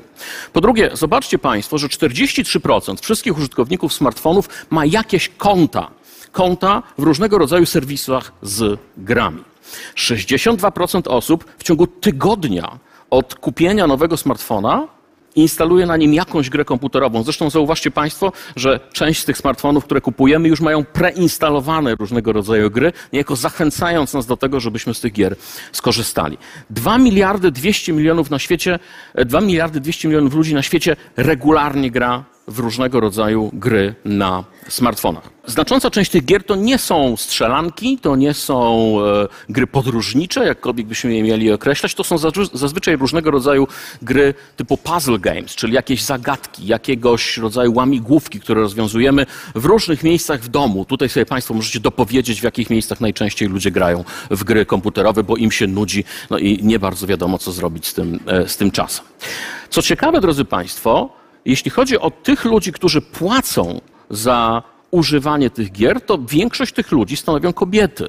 My bardzo często mamy przekonanie, że to mężczyźni będą tymi, którzy są skłonni wydać 200 dolarów za wirtualny kryształowy miecz po to, żeby zabić jakiegoś goblina. Okazuje się, że w praktyce to jest e, dużo bardziej prawdopodobne w przypadku kobiet. Kolejna sprawa to jest wiek. Znowu mamy pewne przekonanie, że gry komputerowe to jest domena nastolatków, może dzieci trochę młodszych. W rzeczywistości okazuje się, że 53% internautów w wieku 45-54 lata to są gracze. A zatem znowu to jest coś, co wyraźnie sprzeciwia się naszemu stereotypowemu patrzeniu na gry cyfrowe. Tylko 37% z graczy to są mężczyźni i tylko 8% graczy to są nastolatki. Czyli gdybyśmy popatrzyli na nasze stereotypowe wyobrażenie o graczu, to to byłoby pewnie coś takiego. Podczas gdy w istocie, gdybyście Państwo chcieli wyszukać prototypowego gracza, to byłaby raczej, że użyję takiego feminatywu, graczka. A więc kobieta, która przy kawie rozwiązuje jakieś, jakieś rebusy, czy zastanawia się, ile jajek można zebrać farm frenzy albo czymś w tym, e, w tym rodzaju. Po reakcji sali wnoszę, że nie jest to problem nieznany państwu, tak bym to określił. No to drodzy Państwo, w co się gra? Trzy najpopularniejsze, najbardziej trendy gry e, w współczesnym świecie to są te trzy rzeczy, które Państwo tutaj widzą, czyli Roblox, do którego wrócimy, bo Roblox jest bardzo specyficzną grą, w której mamy do czynienia z dosyć poważnymi problemami także natury przemocowej. Kolejna gra to Coinmaster e, oraz Fishdom. To są te trzy najbardziej trendy gry, które e, w, w obecnej chwili są instalowane na smartfonach ludzi na całym świecie. Co łączy te gry? Po pierwsze, e, wszystkie te gry mają bardzo niski próg wejścia. To znaczy, bardzo łatwo jest je sobie zainstalować i bardzo łatwo jest rozpocząć grę, mając nawet sporo początkowych sukcesów. Natomiast w miarę e, jak wchodzi się w tę grę, coraz trudniej jest osiągać postępy bez ponoszenia pewnych dodatkowych opłat. I to są te mikropłatności, o których za chwilę będę Państwu trochę szerzej opowiadał. Kolejna kategoria gier, które już dużo częściej są rozgrywane jednak na stacjonarnych platformach, czyli na przykład na takich klasycznych PC-tach, to są tak zwane gry typu MMOG, Massively Multiplayer Online Game, czyli gry w rodzaju World of Tanks, World of Warcraft, czy w końcu O-Game, którą być może Państwo chociaż z opowieści znają, a zatem gry, w których kilka tysięcy, kilkanaście tysięcy, czasem kilkadziesiąt tysięcy użytkowników z całego świata łączy się jednocześnie z serwerem i gra przeciwko sobie. A zatem mamy tutaj do czynienia z taką regularną rywalizacją pomiędzy żywymi ludźmi. Oczywiście część z tych postaci w grach to są boty, ale znacząca część to są po prostu żywi ludzie, którzy sterują swoim, e, swoimi postaciami. I znowu, cechy charakterystyczne tych gier są bardzo podobne jak do tych, o których, e, jak tych gier, o których mówiłem Państwu przed momentem. Czyli stosunkowo niski próg wejścia. Na przykład możesz zainstalować podstawową wersję za darmo, nie musisz ponosić żadnych kosztów, ale jeżeli chcesz grać na serio, jeżeli chcesz rzeczywiście osiągać różnego rodzaju sukcesy grając w tę grę, to w którymś momencie dochodzisz do pewnej bariery i musisz zacząć płacić żywą gotówką, a nie wirtualnie zarobionymi pieniędzmi. I oczywiście są też takie gry, w których możesz sobie po prostu coś kupić, tak? ale są też takie, w których ponosisz pewne opłaty w sposób, w sposób stały. A zatem można by powiedzieć, że cechą wspólną takich najpopularniejszych gier, zarówno typu MMOG, jak i gier instalowanych na e, smartfony, to jest płacenie. A zatem prędzej czy później musimy dotrzeć do takiego miejsca, w którym dalszy rozwój Twojej postaci w grze wiąże się z ponoszeniem opłat. I tutaj, drodzy Państwo, jedna kwestia. To, na czym przede wszystkim zarabiają twórcy gier internetowych, to jest trwałość kontaktu z tą grą, czyli coś, co można by nazwać retencją, tak się to nazywa. A zatem twórca gry, właściciel całego biznesu, zarabia wtedy, kiedy gracz bądź graczka, jeśli tak możemy powiedzieć, gra. Co można zatem zrobić? No można policzyć, jak bardzo ci ludzie powracają do tej gry. Mamy tak zwaną retencję. Mamy retencję D1, czyli ile osób powraca po jednym dniu kontaktu z tą grą, retencję D7, czyli ile mamy powrotów po tygodniu i retencję D28, czyli po miesiącu. Zauważcie Państwo, że jest to pewna obiektywna e, miara, którą da się bardzo łatwo policzyć, która będzie pewnym wskaźnikiem sukcesu z perspektywy tego, kto taką grę tworzy. Dlaczego? Ano dlatego, proszę Państwa, że to od pewnego czasu staje się już coś, co można by nazwać attention business, czyli biznes związany z uwagą i z przytrzymywaniem uwagi. Drodzy Państwo, klasyczny biznes, taki, który został wymyślony w kantorach Fenicjan, powiedzmy, czy Tyru i Sydonu, polegał na bardzo prostym mechanizmie. Z jednej strony mamy kogoś, kto ma jakiś produkt albo usługę, i z drugiej strony mamy kogoś, kto ten produkt albo usługę chce kupić. Jeśli ktoś hoduje jabłka, a Państwo macie ochotę na jabłko, to przychodzicie Państwo do sadownika z Podgrójca i mówicie, mam ochotę na jabłko, a sadownik z Podgrójca daje Wam te jabłka, Wy za to płacicie. To jest bardzo prosty mechanizm. Trochę inaczej to wygląda wtedy, kiedy popatrzymy na przykład na firmy w rodzaju Meta, na firmy w rodzaju TikTok, na firmy w rodzaju, w rodzaju Google. Dlatego, że z ich perspektywy kluczowe jest to, żeby przytrzymać Was przy ekranie żeby przytrzymać waszą uwagę. Koniec końców zostajecie wy, nauczyciele. Więc z perspektywy tych firm kluczowe jest to, żeby zapłacić waszą uwagą. A zatem, jeżeli wyobrazimy sobie ten model nałożony na ten klasyczny model, który Państwo widzą tutaj, to wygląda to tak. Z jednej strony jest ktoś, kto oferuje usługę. Meta, TikTok, YouTube i cała masa innych. Z drugiej strony jest ktoś, kto za tę usługę płaci. Kto za tę usługę płaci? Państwo? Nie. Reklamodawca które płaci za to, żebyście to wy jak najdłużej spędzili, jak, jak, naj, jak najdłuższy czas spędzili przed ekranem. Czym się stajecie? Towarem to wy jesteście towarem, a wasza uwaga jest czymś, co jest kupowane. Oczywiście można ten biznes odrobinę pozmieniać, bo czasem to jest tak, że tym towarem jest wasz czas, wasza uwaga. Czasem jest tak, że możecie zapłacić za to, żeby tych reklam nie oglądać, tak? czyli wykupić jakąś opcję premium. Czasem jest tak, że możecie właśnie zapłacić za pewne elementy gry. Ekonomia, drodzy Państwo, nie zna pojęcia darmowego obiadu. Ktoś za to koniec końców musi zapłacić. Albo uwagą, albo żywą gotówką. Tytuł tego mojego wystąpienia mówi o psychologach społecznych i innych oszustach. Będą także inni oszuści. Tym innym oszustem jest Tomek. Prawdziwa postać. Postać, która występuje w pewnym wywiadzie, wywiadzie, który Krzysztof Story wykonał dla Tygodnika Powszechnego. I w tej rozmowie zapytał twórcę gier komputerowych o pewne mechanizmy, które w grach są używane. Tomek mówi tak. Topowe tytuły działają na zasadzie zapłać, by grać. Tutaj mamy zasadę zapłać, by wygrać, pay to win. Owszem, gra jest darmowa, ale projektuje się ją tak, by po pewnym czasie użytkownik doszedł do ściany, tak zwanego paywalla. Jest to moment, w którym progres bez płacenia staje się już po prostu niemożliwy. Ten czas jest oczywiście obliczony, to może być pół roku, to może być rok regularnej gry. Twój postęp zwalnia do tego stopnia, że nic już nie ugrasz, chyba że zapłacisz. No i drodzy Państwo, popatrzcie, jak to może wyglądać. Mamy coś takiego, co się nazywa ICD-10, to jest międzynarodowa klasyfikacja różnego rodzaju zaburzeń psychicznych. I mamy tam takie zaburzenie, które nazywa się gaming disorder.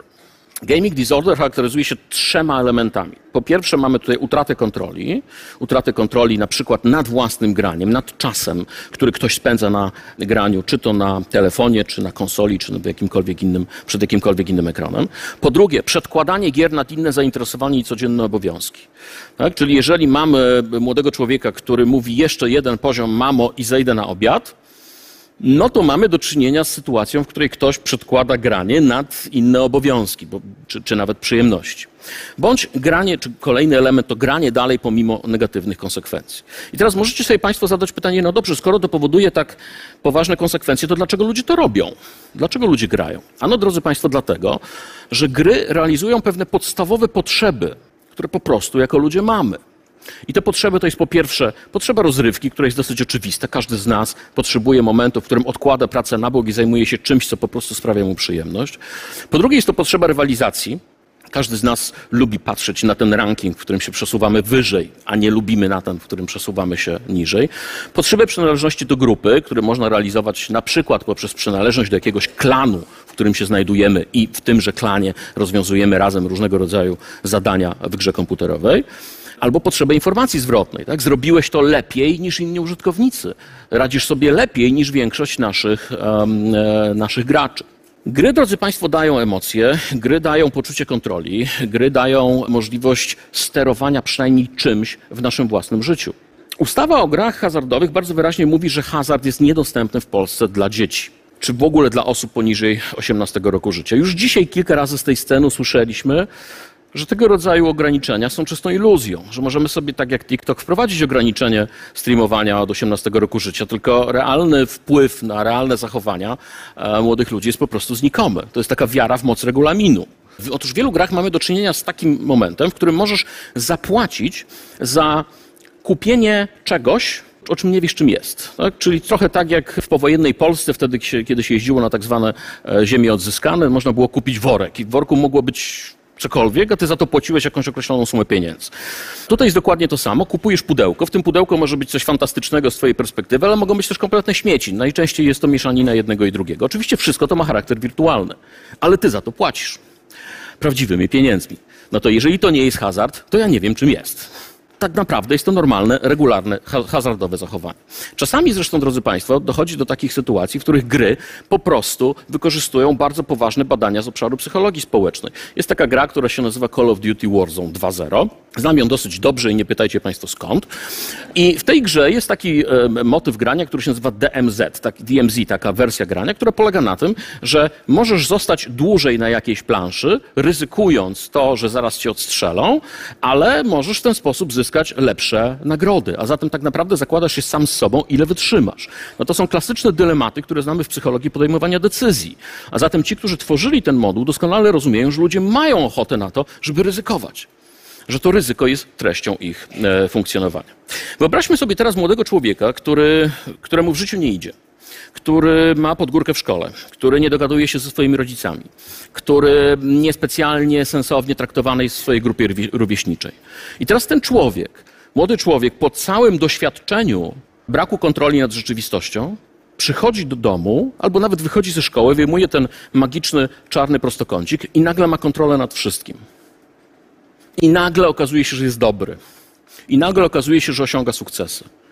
W ten sposób, nie chcę teraz Państwu opowiadać o całej masie psychologów behawiorystycznych, którzy tym problemem się zajmowali, ale tworzy się tak zwana pętla nawyku.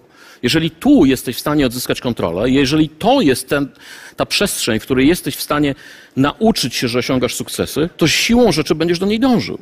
Bo to jest to miejsce, które daje ci satysfakcję. To jest to miejsce, które daje ci wyrzut dopaminy i to jest to miejsce, w którym po prostu czujesz się dobrze. Jeżeli nawet chciałbyś odejść w którymś momencie, to okazuje się, że ci, którzy tworzyli te gry, dobrze to przewidzieli. Świetnym sposobem, wracamy do naszego Tomka, świetnym sposobem jest zmuszenie użytkownika, żeby płacił za to, że nie musi tak dużo grać. Wprowadzam do gry jakąś upierdliwą funkcję. Magowi przypadają wszystkie punkty many. Jeśli nie zalogujesz się raz na 4 godziny, chyba że kupisz kondensator many, który zatrzymuje ten efekt. Albo pokazujemy graczowi więcej reklam, chyba że zapłaci, żeby ich nie oglądać. Czyli tak naprawdę, zobaczcie Państwo, mamy już tego człowieka, i on teraz boi się, że coś straci. Tak? Nie chcę teraz Państwa zanudzać e, teorią Kahnemana i Twerskiego dotyczącą reguły kontrperspektywy, ale generalnie rzecz ujmując, to co nas dużo bardziej w życiu motywuje do działania, to jest ryzyko utraty czegoś niż obietnica zysku. Powiedz komuś, że może zarobić 10 zł, to wzruszę ramionami, ale powiedz komuś, że straci 10 zł, jeśli czegoś nie zrobi i natychmiast będzie w stanie to robić. To właśnie wykorzystują gry komputerowe. Ktoś może powiedzieć, no dobra, ale może dzieci chociaż są bezpieczne. Może dzieci są bezpieczne, ale zobaczcie Państwo, że ci, którzy stworzyli te gry, dobrze wiedzą, że nie, że trzeba ich przy sobie przytrzymać, że trzeba stworzyć takie gry, z których przechodzi się kolejnych i kolejnych i kolejnych. Osobną kategorią problemów są rzeczy, które się mogą wydarzać w Robloxie. To jest, drodzy Państwo, rzecz dramatyczna. To jest pierwszy w historii gwałt wirtualny.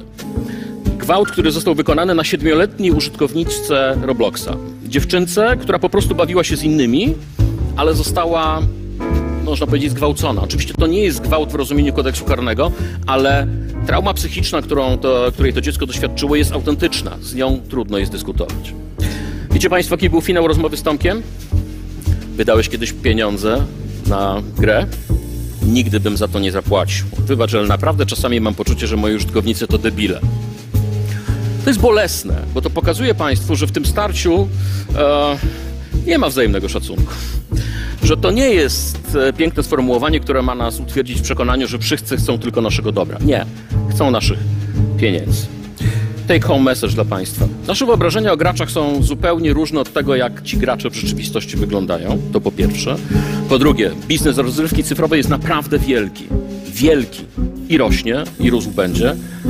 I ostatnia rzecz, pamiętajcie, że ci, którzy to robią, naprawdę wiedzą, czym się zajmują.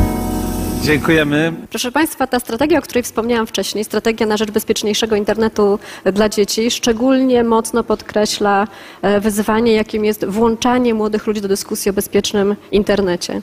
Jeżeli będziemy uważnie ich słuchać, to usłyszymy, jakie mają potrzeby, czego się obawiają, jakie mają plany, jakie mają wizje, czego potrzebują, żeby się dobrze rozwijać. Ja myślę, że taką doskonałą przewodniczką właśnie e, po tym, czego młodzi ludzie potrzebują jest Kira Suchobojczenko. Jest założycielką Międzynarodowego Ruchu Latających Plecaków plecaczków, pomysłodawczynią święta Międzynarodowego Dnia Plecaka, zwyciężczynią ogólnopolskiego konkursu Dzieciaki Startupy i opowie nam o trzech pokoleniach w internecie i ich wzajemnym rozwoju. Zapraszamy serdecznie. Nazywam się Kira Suchobojczenko i opowiem Wam dzisiaj pewną historię. Moją historię, która zaczyna się właśnie od internetu. Miałam wtedy bowiem 10 lat i byłam w piątej klasie podstawówki. Zaproponowano mi, bym wzięła udział w takim konkursie dziecięcych startupów, którego ideą było zgłaszanie pomysłów ulepszających codzienne życie lub nawet zmieniających świat. Wymyśliłam latający plecak, jadąc metrem do mojej koleżanki, która miała mi pomóc nagrać nagranie. W taki sposób, że miałam na sobie ten ciężki plecaczek po szkole i zobaczyłam dziewczynkę z takim ładnym, kolorowym balonikiem. Nie pamiętam, jaki dokładnie miał kształt, ale było to coś w stylu świnki Pepy, SpongeBoba, myszki Miki. W każdym razie takie, jakie rozdają na Starym Mieście i w środku których jest hel. Pomyślałam, że co by było, gdyby do takiego szkolnego plecaczka włożyć pudełko z helem, no lub wiadomo z innym podobnym gazem, bo z helem byłoby bardzo trudno. Teraz wiem, że to by raczej nie było możliwe, ale w końcu to był konkurs pomysłów.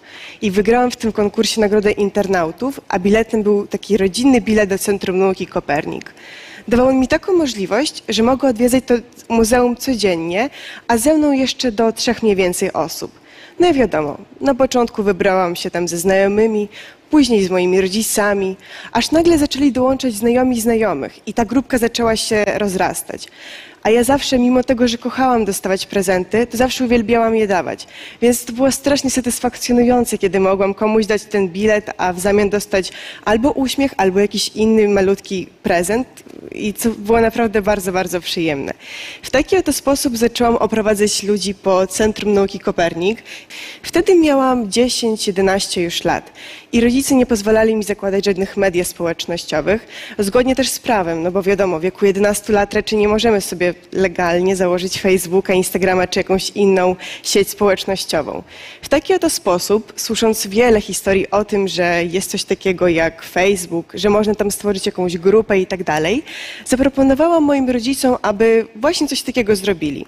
Pokażę Wam na własnym przykładzie, jak dzięki temu, że wtedy było to spotkanie i założyłam profil na LinkedIn, który teoretycznie jest dla dorosłych, ale od y, niedawna jest tam coraz więcej cudownych osób działających społecznie, również nastolatków. Jak, na własnym przykładzie, w jaki sposób zorganizowałam konferencję. Sześć miesięcy temu, od dzisiaj, napisałam takiego posta, gdzie poprosiłam moją sieć kontaktów o pomoc. Napisałam, chcę zorganizować konferencję 15 października. Myślałam nad Warsaw Spire, ponieważ cel, żeby zorganizować tam konferencję, postawiłam sobie jeszcze w dalekim 2018 roku. Czy ktoś z mojej sieci kontaktów wie, jak mogę dotrzeć do tego miejsca? No i dużo osób mówiło, że to niemożliwe i że tak po prostu nie da się tam dotrzeć. E, Warsaw Spire to jest taki wieżowiec w centrum i pamiętam, że nawet kiedy byłam trochę młodsza, jeździłam po tym centrum i naprawdę zawsze na niego tak patrzyłam i marzyłam, żeby zorganizować tam jakieś wydarzenie. No i właśnie dużo osób mówiło, że tak po prostu, wiadomo, w miły sposób, że tak po prostu nie da się tam zorganizować konferencję. I mieli całkowitą rację, bo tak po prostu się nie da. Ale pamiętajmy o mocy internetu i ludzi, w tym przypadku dorosłych. Kilka dni tuż po tamtej mojej, mogłoby się wydawać zwykłej publikacji, odezwała się do mnie pewna pani, która powiedziała, że Kiro, gdybyś chciała, to możemy Ci pomóc zorganizować tam konferencję. I w taki oto sposób już za kilka miesięcy spotkaliśmy się w tym cudownym miejscu. Chociażby idealnym dowodem jest na to, że dzięki temu, że założyłam tego LinkedIna, już dwukrotnie znalazłam się na liście 25 mistrzeń LinkedIn według Forbes Women, albo kiedy opowiadałam o LinkedInie 100 e, ultra innowacyjnym nauczycielom. I to było naprawdę niesamowite doświadczenie. E, drążąc temat konferencji i wsparcia dorosłych, chciałabym Wam opowiedzieć też pewną historię o Ministerstwie Edukacji Narodowej. Na jednej z moich konferencji zażyczyłam sobie zażyczyłam to tak łatwo powiedziane. Bardzo, bardzo chciałam mieć właśnie ten patronat od Ministerstwa Edukacji Narodowej, bo zawsze bardzo mocno się na tym skupiałam, żeby mieć te partnerstwa, sponsorstwa, patronaty i tak dalej. No i dzwoniłam i pisałam do Ministerstwa Edukacji Narodowej, no ale wiadomo jak to jest, nie zawsze wszystko idzie po naszej myśli, no i dodatkowo bardzo trudno czasami zwykłymi telefonami czy mailami gdzieś dotrzeć. W taki oto sposób rodzice zawsze mnie uczyli żyć taką pewną zasadą, jak się wyrzucą drzwiami, to wejdź oknem. No i pomyślałam, że okej, okay, niedługo będzie Noc Muzeów. Swoją drogą o Nocy Muzeów również się dowiedzieliśmy wraz z rodzicami z internetu i tej Nocy Muzeów bardzo, bardzo wiele też zawdzięczamy. Bo kiedyś, kiedy się przeprowadzaliśmy, i o tym też troszkę opowiem, e, bardzo nam pomogło się tutaj zaadoptować. Była wtedy organizowana wycieczka do Ministerstwa Edukacji Narodowej. No i miałam taki genialny plan, że wejdę z tą wycieczką, wyjdziemy gdzieś tam na górę czy coś takiego, złapię ministra, podejdę do niego, powiem, że chcę patronat na konferencję, on się zgodzi, no i tyle prawda? No ale jak się okazało, to jednak nie było takie łatwe. I kiedy wyszliśmy z tą wycieczką, to pierwszy problem był taki, że ministra po prostu nie było. No i wyszłam z tą wycieczką, tak sobie stałam, stanęłam z rodzicami i się zaczęliśmy zastanawiać, no, co możemy zrobić. I trochę tak właśnie motywując się tą właśnie zasadą, jak cię wrócą drzwiami, to wejdź oknem, podeszłam do ochroniarza, który podszedł później do jakiejś pani, która gdzieś jeszcze poszła, wróciła, wróciła do ochroniarza i ochroniarz mi powiedział, że zaraz mnie zaprowadzi ktoś do wiceministra. No jak myślicie, czy udało się zorganizować tą konferencję z tym patronatem? Tak, udało się jaką moc mi dawał internet przez te wszystkie lata. Na przykład taką, że w 2018 roku organizowałam 8-godzinną transmisję online, podczas której mogły dołączyć osoby z całego świata. I to dla mnie też jest bardzo niesamowite, że patrzcie, my jesteśmy tutaj, mogę was zobaczyć, porozmawiać, podać rękę, ale także tam stoją kamery, dzięki którym osoby mogą oglądać tą, to wydarzenie z każdej części świata, gdzie jest internet. I to jest naprawdę bardzo, bardzo niesamowite. Jednak wracając do historii o ministrze, był to patronat nie na zwykłą konferencję, bo był to patronat na konferencję z okazji pewnego święta, które organizuje. I jest to Międzynarodowy Dzień Plecaka. Bo w tamtym 2018 roku, kiedy organizowałam te wszystkie wydarzenia, oczywiście nie sama, tylko przy ogromnym wsparciu, wydawało mi się mimo wszystko, że czymś wyjątkowym się nie wyróżniam. Co dzisiaj uważam za kompletną głupotę, bo chociażby tam ten młody wiek, no ale wiadomo, zawsze przypominam, że to dzięki wsparciu yy, robiło się naprawdę wyjątkowe rzeczy. No ale wymyśliłam wtedy Międzynarodowy Dzień Plecaka, żeby czymś się wyróżniać. No i tego dnia proponuję szkołom i ten dzień obchodzimy 15 października, aby dawały możliwość i przestrzeń swoim uczniom do tego, do dzielenia się swoimi pomysłami, historiami, marzeniami, pasjami. Szkoły też zawsze otrzymują taki wyjątkowy certyfikat szkoła pokazująca potencjał swoich uczniów. No i co tego dnia tak na dobrą sprawę się dzieje? To są zarówno debaty, konferencje, rozwijanie kompetencji miękkich i przeróżne inicjatywy dla uczniów. I najfajniejsze jest to, że ale również konkursy. No i tutaj przechodzimy powoli do konkursu, bo właśnie to wszystko się zaczynało od y, kilku szkół na Ukrainie i w Polsce. Ale tak na dobrą sprawę, dzięki temu, że miałam możliwość rozprzestrzeniania informacji na całym świecie, gdzie osoby udostępniali na różnych mediach społecznościowych, że jest taki dzień i tak dalej, to tylko dzięki temu ten dzień teraz obchodzimy w wielu szkołach w Polsce i w Ukrainie, ale również w innych państwach, bo chociażby w Kenii. No i wybuchła wojna. I czemu nawiązuję do tego? Ja w Polsce mieszkam nie od zawsze, a od 2014 roku, kiedy przeprowadzaliśmy się z rodzicami z Krymu do Polski. Wiem, że dzisiaj jest z nami bardzo dużo nauczycieli, więc chciałabym opowiedzieć pewną historię. Podczas tej przeprowadzki osobą, która najbardziej mi pomogła, była moja nauczycielka. Ta kobieta ona pokazała mi, że szkoła może być rzeczywiście moim drugim domem, że nie muszę się bać języka polskiego, nie muszę się bać uczniów i w ogóle przeprowadzka nie musi być taka okropna, bo ona mi pokazała, czym jest tak naprawdę, wiecie, takie ciepło i że szkoła naprawdę może być tym drugim domem. I dzięki temu na przykład, kiedy się przeprowadziliśmy, to jest taki jeden z wielu przykładów. Nigdy mnie nie zmuszała do pisania jakichś sprawdzianów, kartkówek e, czy dyktandów. Mówiła, że jeśli chcesz, to możesz napisać, ale nie będę cię oceniać oceniać, będę cię oceniać indywidualnie. A na swoich okienkach, chociaż kiedyś myślałam, że na okienkach się odpoczywa, ale teraz po wielu rozmowach z nauczycielami wiem, że wcale tak nie jest i że okienka również są strasznie męczące w szkołach. Jednak moja nauczycielka wtedy, pani Mariola, wtedy przychodziła ze mną do, do, takiego małego pokoiku i pamiętam, że uczyła się ze mną właśnie tego polskiego i tak dalej, a nawet zachęcała do tego innych nauczycieli i tak na dobrą sprawę mogę jej nawet zawdzięczyć to, że stoję tutaj, więc myślę, że możemy dla niej ogromnymi, zrobić ogromne oklaski.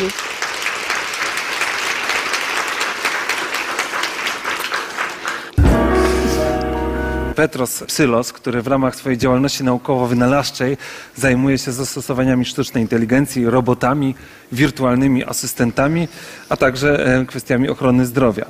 Został znany przez amerykańską edycję Forbesa za jednego z 30 najlepszych europejskich innowatorów oraz przez MIT Review za jednego z 10 najzdolniejszych młodych wynalazców w Polsce. I zapraszamy na jego prezentację pod tytułem Internet i AI. Jakie czyhają zagrożenia? Sekrety ujawnione. Dzisiaj opowiem o sztucznej inteligencji. Od razu na samym wstępie przeproszę za ten tytuł, e, bo wręcz wygląda jak wyciągnięty żywcem z e, portalu z żółtymi napisami. Szczególnie te ostatnie sekrety ujawnione. Ale na usprawiedliwienie powiem, że to nie ja wymyśliłem ten tytuł.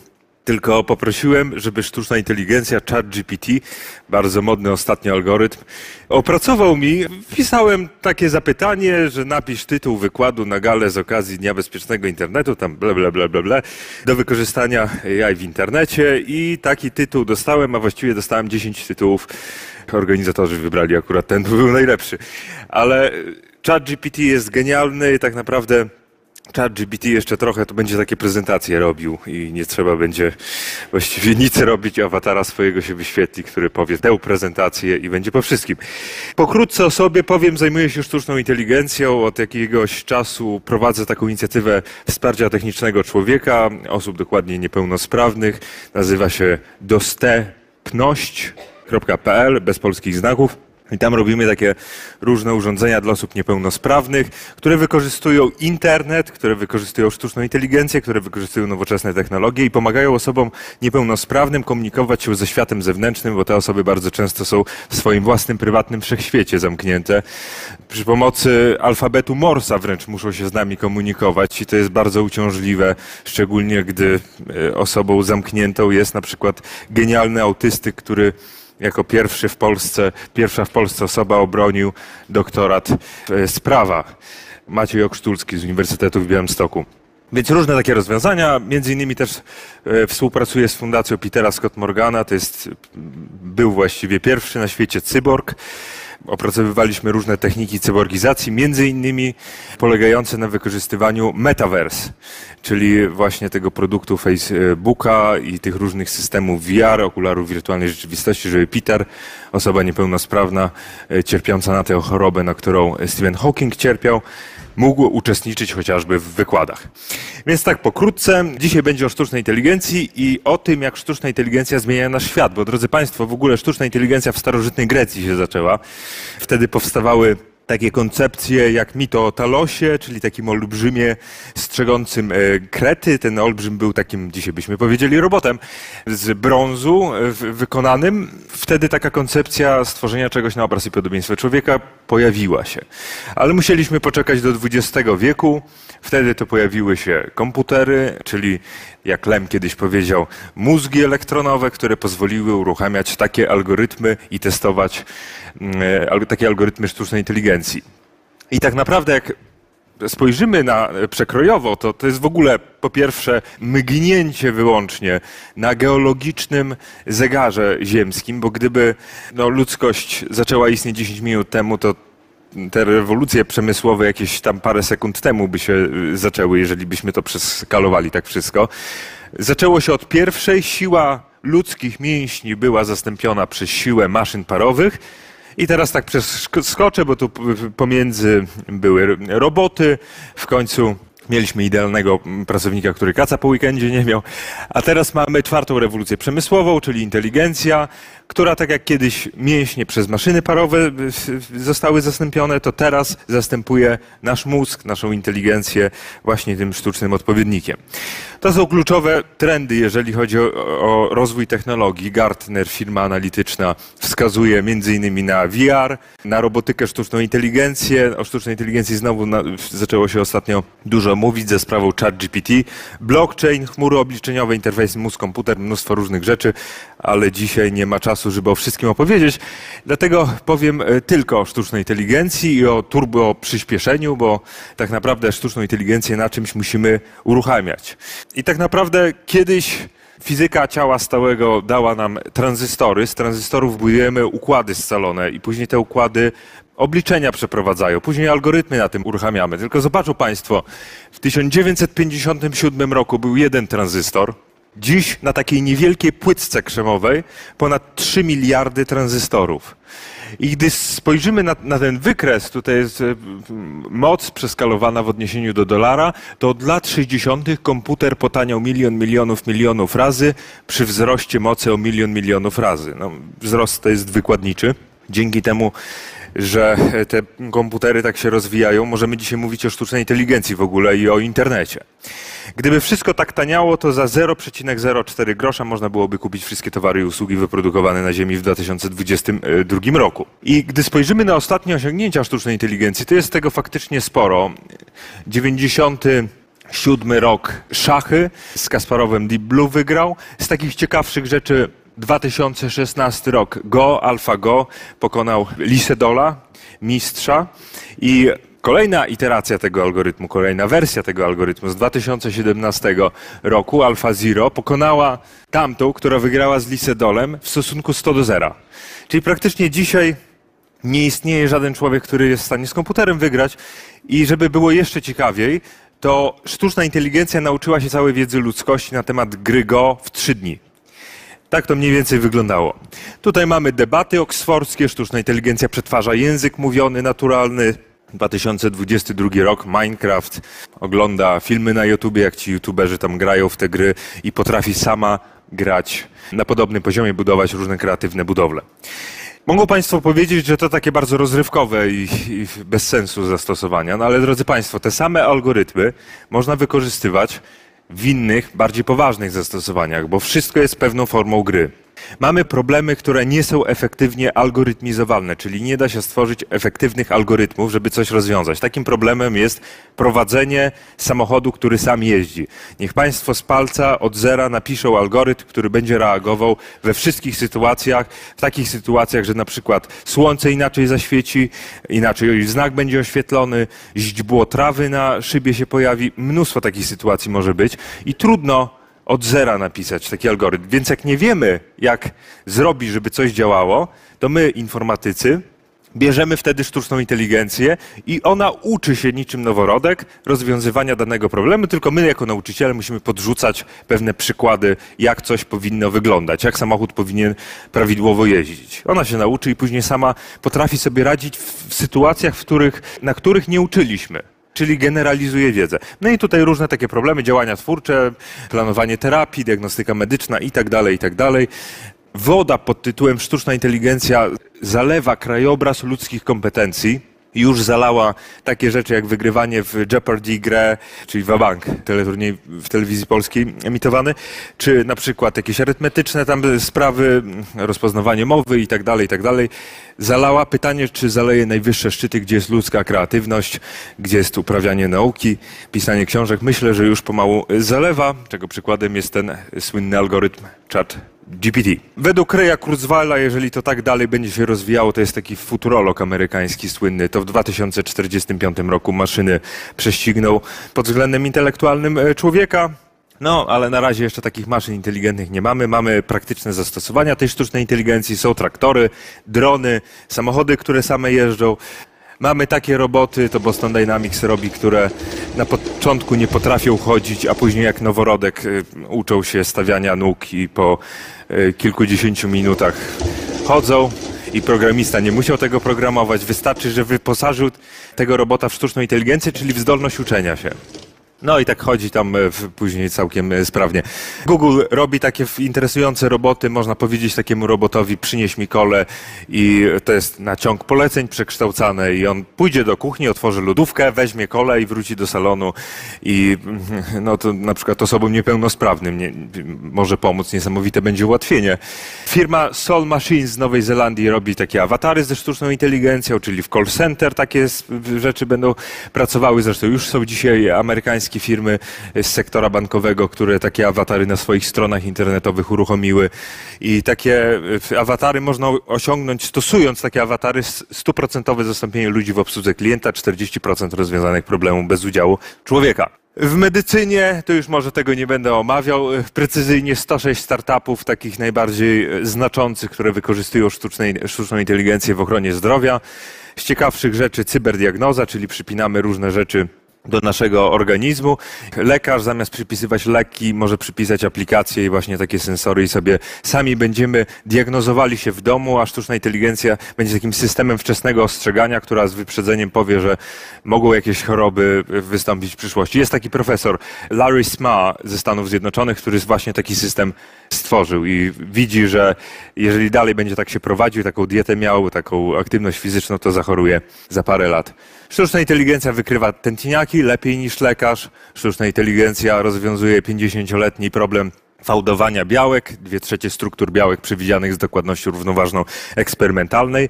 To jest, co było wcześniej, a te pomarańczowe słupki to sztuczna inteligencja. Autonomiczne samochody, latające samochody to jest też sztuczna inteligencja. Wszyscy mówią, że w science fiction były latające samochody, gdzie one są. No a to właśnie, takie, takie konstrukcje już powstają czterech pasażerów tam się mieści i to może e, autonomicznie latać, nie trzeba mieć umiejętności e, pilota. Generatywna sztuczna inteligencja to jest fragment e, sztucznej inteligencji i bardzo prosto to zrozumieć. To jest taka sztuczna inteligencja, która może generować wszelkiego rodzaju dane, czyli obrazy, dźwięki, jakieś tam zdjęcia preparować, teksty i tak dalej, i tak dalej, obiekty 3D, filmy. I na przykład ostatnio było głośno o ChatGPT, to jest model językowy, który jest właśnie taką generatywną sztuczną inteligencją. Jak zobaczą Państwo, jak te modele językowe się rozwijają, to prędkość mamy przeogromną, bo w 2018 roku tylko 340 milionów parametrów taki model miał BERT. Parametrów, jak to można sobie wyobrazić? W mózgu mamy 100 tysięcy miliardów połączeń, czyli właśnie takich parametrów. Takie modele mają takie jakby uproszczone synapsy, wagi e, w sztucznej inteligencji mówimy. 340 milionów miał w 2018 roku i był głupi bardzo, właściwie nic kreatywnego nie wymyślał. Później taki przyszedł model jak na przykład GPT-3, to już miał 175 miliardów parametrów, 12 milionów dolarów wyszkolenie. No, Chińczycy zrobili WDAO 2, 1,75 biliona parametrów ma. Może się uczyć z tekstu, obrazów, bo jeszcze Państwu nie powiedziałem, te modele przypominają maszynę Trurla, czyli ten elektrybaut, który uczył się całej wiedzy ludzkości na temat cywilizacji, historii wszechświata i później pisał wiersze. Te modele językowe, uczą się na bazie różnych informacji z internetu, książek, stron internetowych i później, gdy się nauczą, to możemy poprosić, tak jak ja na samym początku poprosiłem, żeby coś własnego wygenerowały, czy to będzie tekst, czy grafika, czy, czy dźwięk i one to zrobią. Ja wygenerowałem y, tytuł y, wykładu, ale można inne rzeczy też generować. Chat GPT, o tym jest bardzo głośno uczenie nadzorowane i tak dalej, e, to jest trochę mniejsze niż e, GPT-3 i tak naprawdę to bazuje na GPT-3. GPT-3 ChatGPT jest takim jakby fragmentem GPT-3, e, czyli takim fragmentem przystosowanym do rozmów w formie czatów. Tak jak na Facebooku mamy czaty, możemy gadać z tym algorytmem. Tylko różni się od tego, bo on pamięta, o czym wcześniej gadaliśmy, więc można z nim jak z człowiekiem wręcz rozmawiać. I prosić o różne rzeczy. Wie jak walczyć z inflacją. Przeszedł rekrutację w Google. Zdradził, czy zastąpi programistów. Stało się GPT tworzy serial tak dobry, że go zablokowano. Francja, tak jak jakiś instytut, zakazał studentom posługiwania się sztuczną inteligencją chat GPT. Na mojej uczelni też studenci już to robią, niestety. Jest ogromny problem, jak e, sprawdzić, czy, e, czy, czy to student napisał, czy algorytm. Ja kiedyś bardzo podobne algorytmy wykorzystywałem do generowania opowiadań na bazie tekstów pani Olgi Tokarczuk. I powstał taki cykl, nie taka sztuczna inteligencja, to mogą Państwo znaleźć na Spotify, albo na Google Podcast, albo na Apple Podcast. Pokażę Państwu fragment. E, Olga Tokarczuk była zaskoczona, że sztuczna inteligencja tyle potrafi. To bazowało jeszcze na GPT-2, czyli dzisiejsza technologia jeszcze lepiej by to wszystko zrobiła i to bardziej koherentne by było. Ale Państwu pokażę to.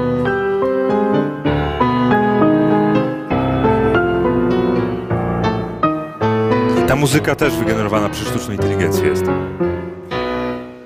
Dlaczego niektórzy ludzie są źli i wredni? Są dziwni i pokręceni, mają swój własny sposób mówienia i myślenia, utknęli w przeszłości, nigdy nie są zadowoleni ze swojej fizycznej jaźni. Czym jest fizyczna jaźń? Nie wiem. Daj się poprowadzić instynktowi sztuczna inteligencja dochodziła do bardzo zaskakujących wniosków. Janusz Habior też był zaskoczony, gdy to czytał. W ogóle cały cykl powstał. Krystyna Czubówna czyta, inni aktorzy czy lektorzy. GPT-2, zrobiłem taki model, kilka rywalizowało między sobą i generowało takie opowiadania. Dzisiaj to z chat GPT znacznie lepiej by się dało zrobić. Sztuczna inteligencja też może generować piosenki. Niech zgadną Państwo, na kim się wzorowała. Od razu powiem, tekst, głos i te instrumenty, które Państwo słyszą, nigdy nie istniały. To sztuczna inteligencja zrobiła.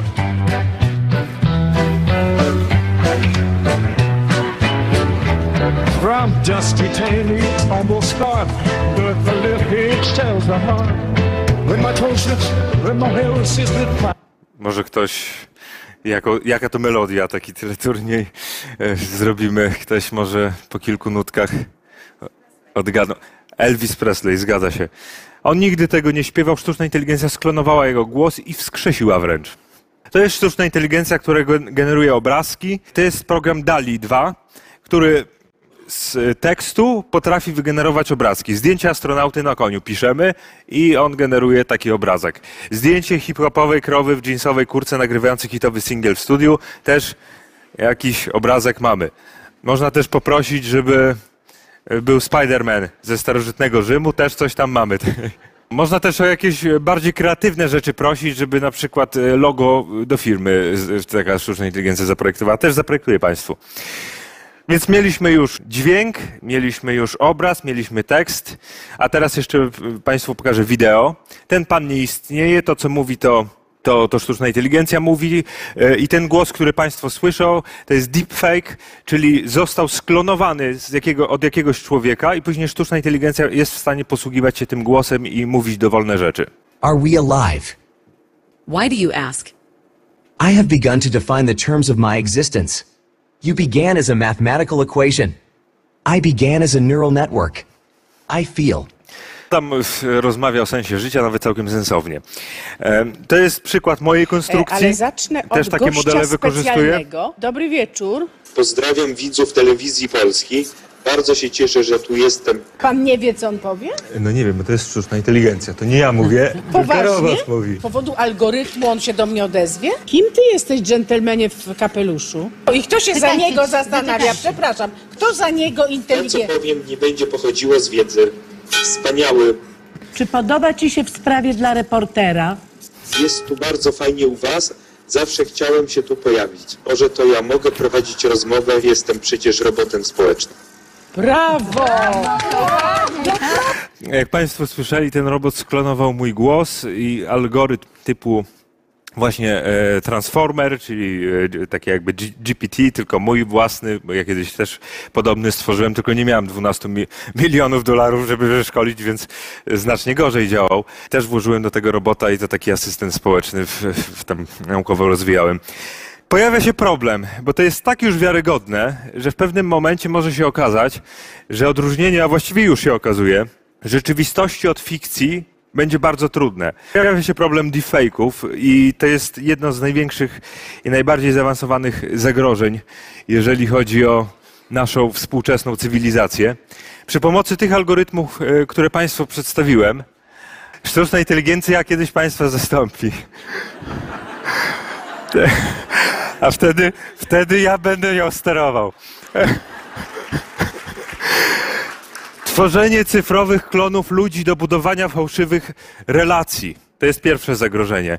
Algorytmy mogą pisać maile i to nie takie, że 100 milionów ci ofiaruje charytatywnie z błędami ortograficznymi, że nawet y, mało świadomy użytkownik internetu zorientuje się, tylko tak dobrze brzmiące i to jeszcze algorytm będzie odpisywał mi i będzie pamiętał, o czym wcześniej pisaliśmy.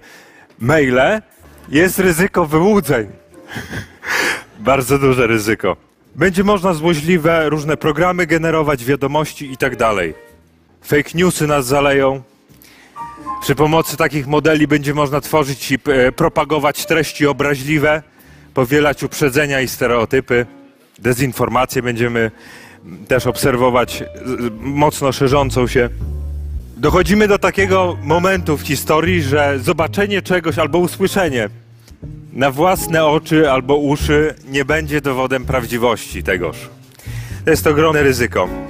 Dodatkowo będziemy głupieć, bo tacy asystenci ze sztuczną inteligencją uwolnią nas z potrzeby wysiłku intelektualnego. Już dzisiaj badania pokazują, że ludzkość głupieje 7 punktów na dekadę. Będziemy z pamięci naturalnej na pamięć sztuczną się przesiadali. Tak będą algorytmy nas traktowały jak ten smartfon. Zresztą już takie algorytmy są. No i tak przyszłość w skrócie w tym roku GPT-4 pojawi się. To jest GPT-3 ta kropka, to jest GPT-4. Więc wyobrażą sobie Państwo, jakie możliwości ten algorytm nam da. Nawet 100 bilionów parametrów, czyli 500 razy więcej niż GPT-3. Te modele będą miały dostęp do internetu, bo teraz nie mają, niestety nie mogą weryfikować informacji. Będą potrafiły liczyć, bo jeszcze dzisiaj nie liczą. Nauczą się krytycznej analizy informacji przestaną być darmowe też i będą częścią wyszukiwarek internetowych. Bing już takie rozwiązanie testuje. Cerebras CS2, bo te algorytmy gdzieś trzeba uruchamiać. To jest taki chip, który pozwala uruchamiać modele, które mają 120 bilionów parametrów. I to już przewyższa 100 bilionów synaps, czyli takich właśnie parametrów obecnych w naszych mózgach. I zobaczą Państwo, jakie to jest niewielkie. Coś takiego będziemy mieli w przyszłości w naszych domach, samochodach i tak dalej, i tak dalej. Komputery kwantowe też wywrócą wszystko do góry nogami. 100 kubitów obliczenia niemożliwe do wykonania w ciągu czasu istnienia całego wszechświata. Dzisiaj IBM zaprezentował 127-kubitowy komputer bardzo wąskiego jeszcze przeznaczenia. I ostatnia technologia bardzo ważna, neuromorficzne komputery. 1 milion neuronów to ma, 1 czwarta miliarda synaps. Jak połączymy 512 takich modułów, to mamy 8 miliardów neuronów, 2048 miliardów synaps, jak u niedźwiedzia brunatnego. I to takich neuronów, które są w sposób sprzętowy realizowane, nie w postaci programu, tylko w chipie to jest. Przy pomocy memistorów i takich różnych technologii. Więc będziemy mieli takie jakby no Stanisław Lem kiedyś mówił protezy mózgowe w postaci właśnie takich chipów. To są neuromorficzne morfozy greckiego podobne, neuropodobne. Wiedza jest istotna, w ciągu kolejnych 10 lat będzie tyle zmian, co w ciągu ostatnich 100 lat. Takie modele będą tworzyły tak realistyczne rzeczy, że nie odróżnimy już tego. Komputery będą podejmowały lepiej decyzje niż ludzie, a komputer kwantowy o mocy 100 mózgów, być może 4000 zł będzie kosztował. No i dzięki tym wszystkim technologiom, taka pozytywna informacja na koniec, bo kiedyś Lem powiedział, że te, te, technologie to jest jak brzytwa, którą święty Mikołaj na święta Bożego Narodzenia przyniósł. Można wykorzystać do golenia się albo żeby komuś y, no, gardło poderżnąć. Tak samo jest z technologiami. Nie są ani dobre, ani złe. To jest rzecz obosieczna. Więc e, ja mówiłem o negatywach, ale liczę, że Państwo to wykorzystują, żeby wielkie wyzwania ludzkości rozwiązać, bo dzisiaj te technologie są tak dostępne, że każdy może z takich rzeczy korzystać nawet za darmo. Kiedyś to było, dzisiaj to jest. 20 lat temu to miliony dolarów by kosztowało, dzisiaj Państwo w kieszeniach to mają. I na koniec, technologia jest dobrym niewolnikiem, ale złym panem. Warto o tym pamiętać. Sztuczna inteligencja powinna być naszym partnerem, jak w jazzowym combo.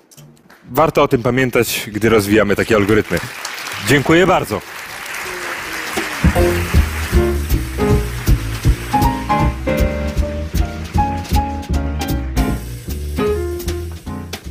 A sprzed mikrofonu kłania się Magdalena Lipiec-Jaremek. Mówię Państwu do usłyszenia, jak zawsze, w każdy wtorek tuż po 22. Kontakt z naszą redakcją rodzicemałpka radiolublin.pl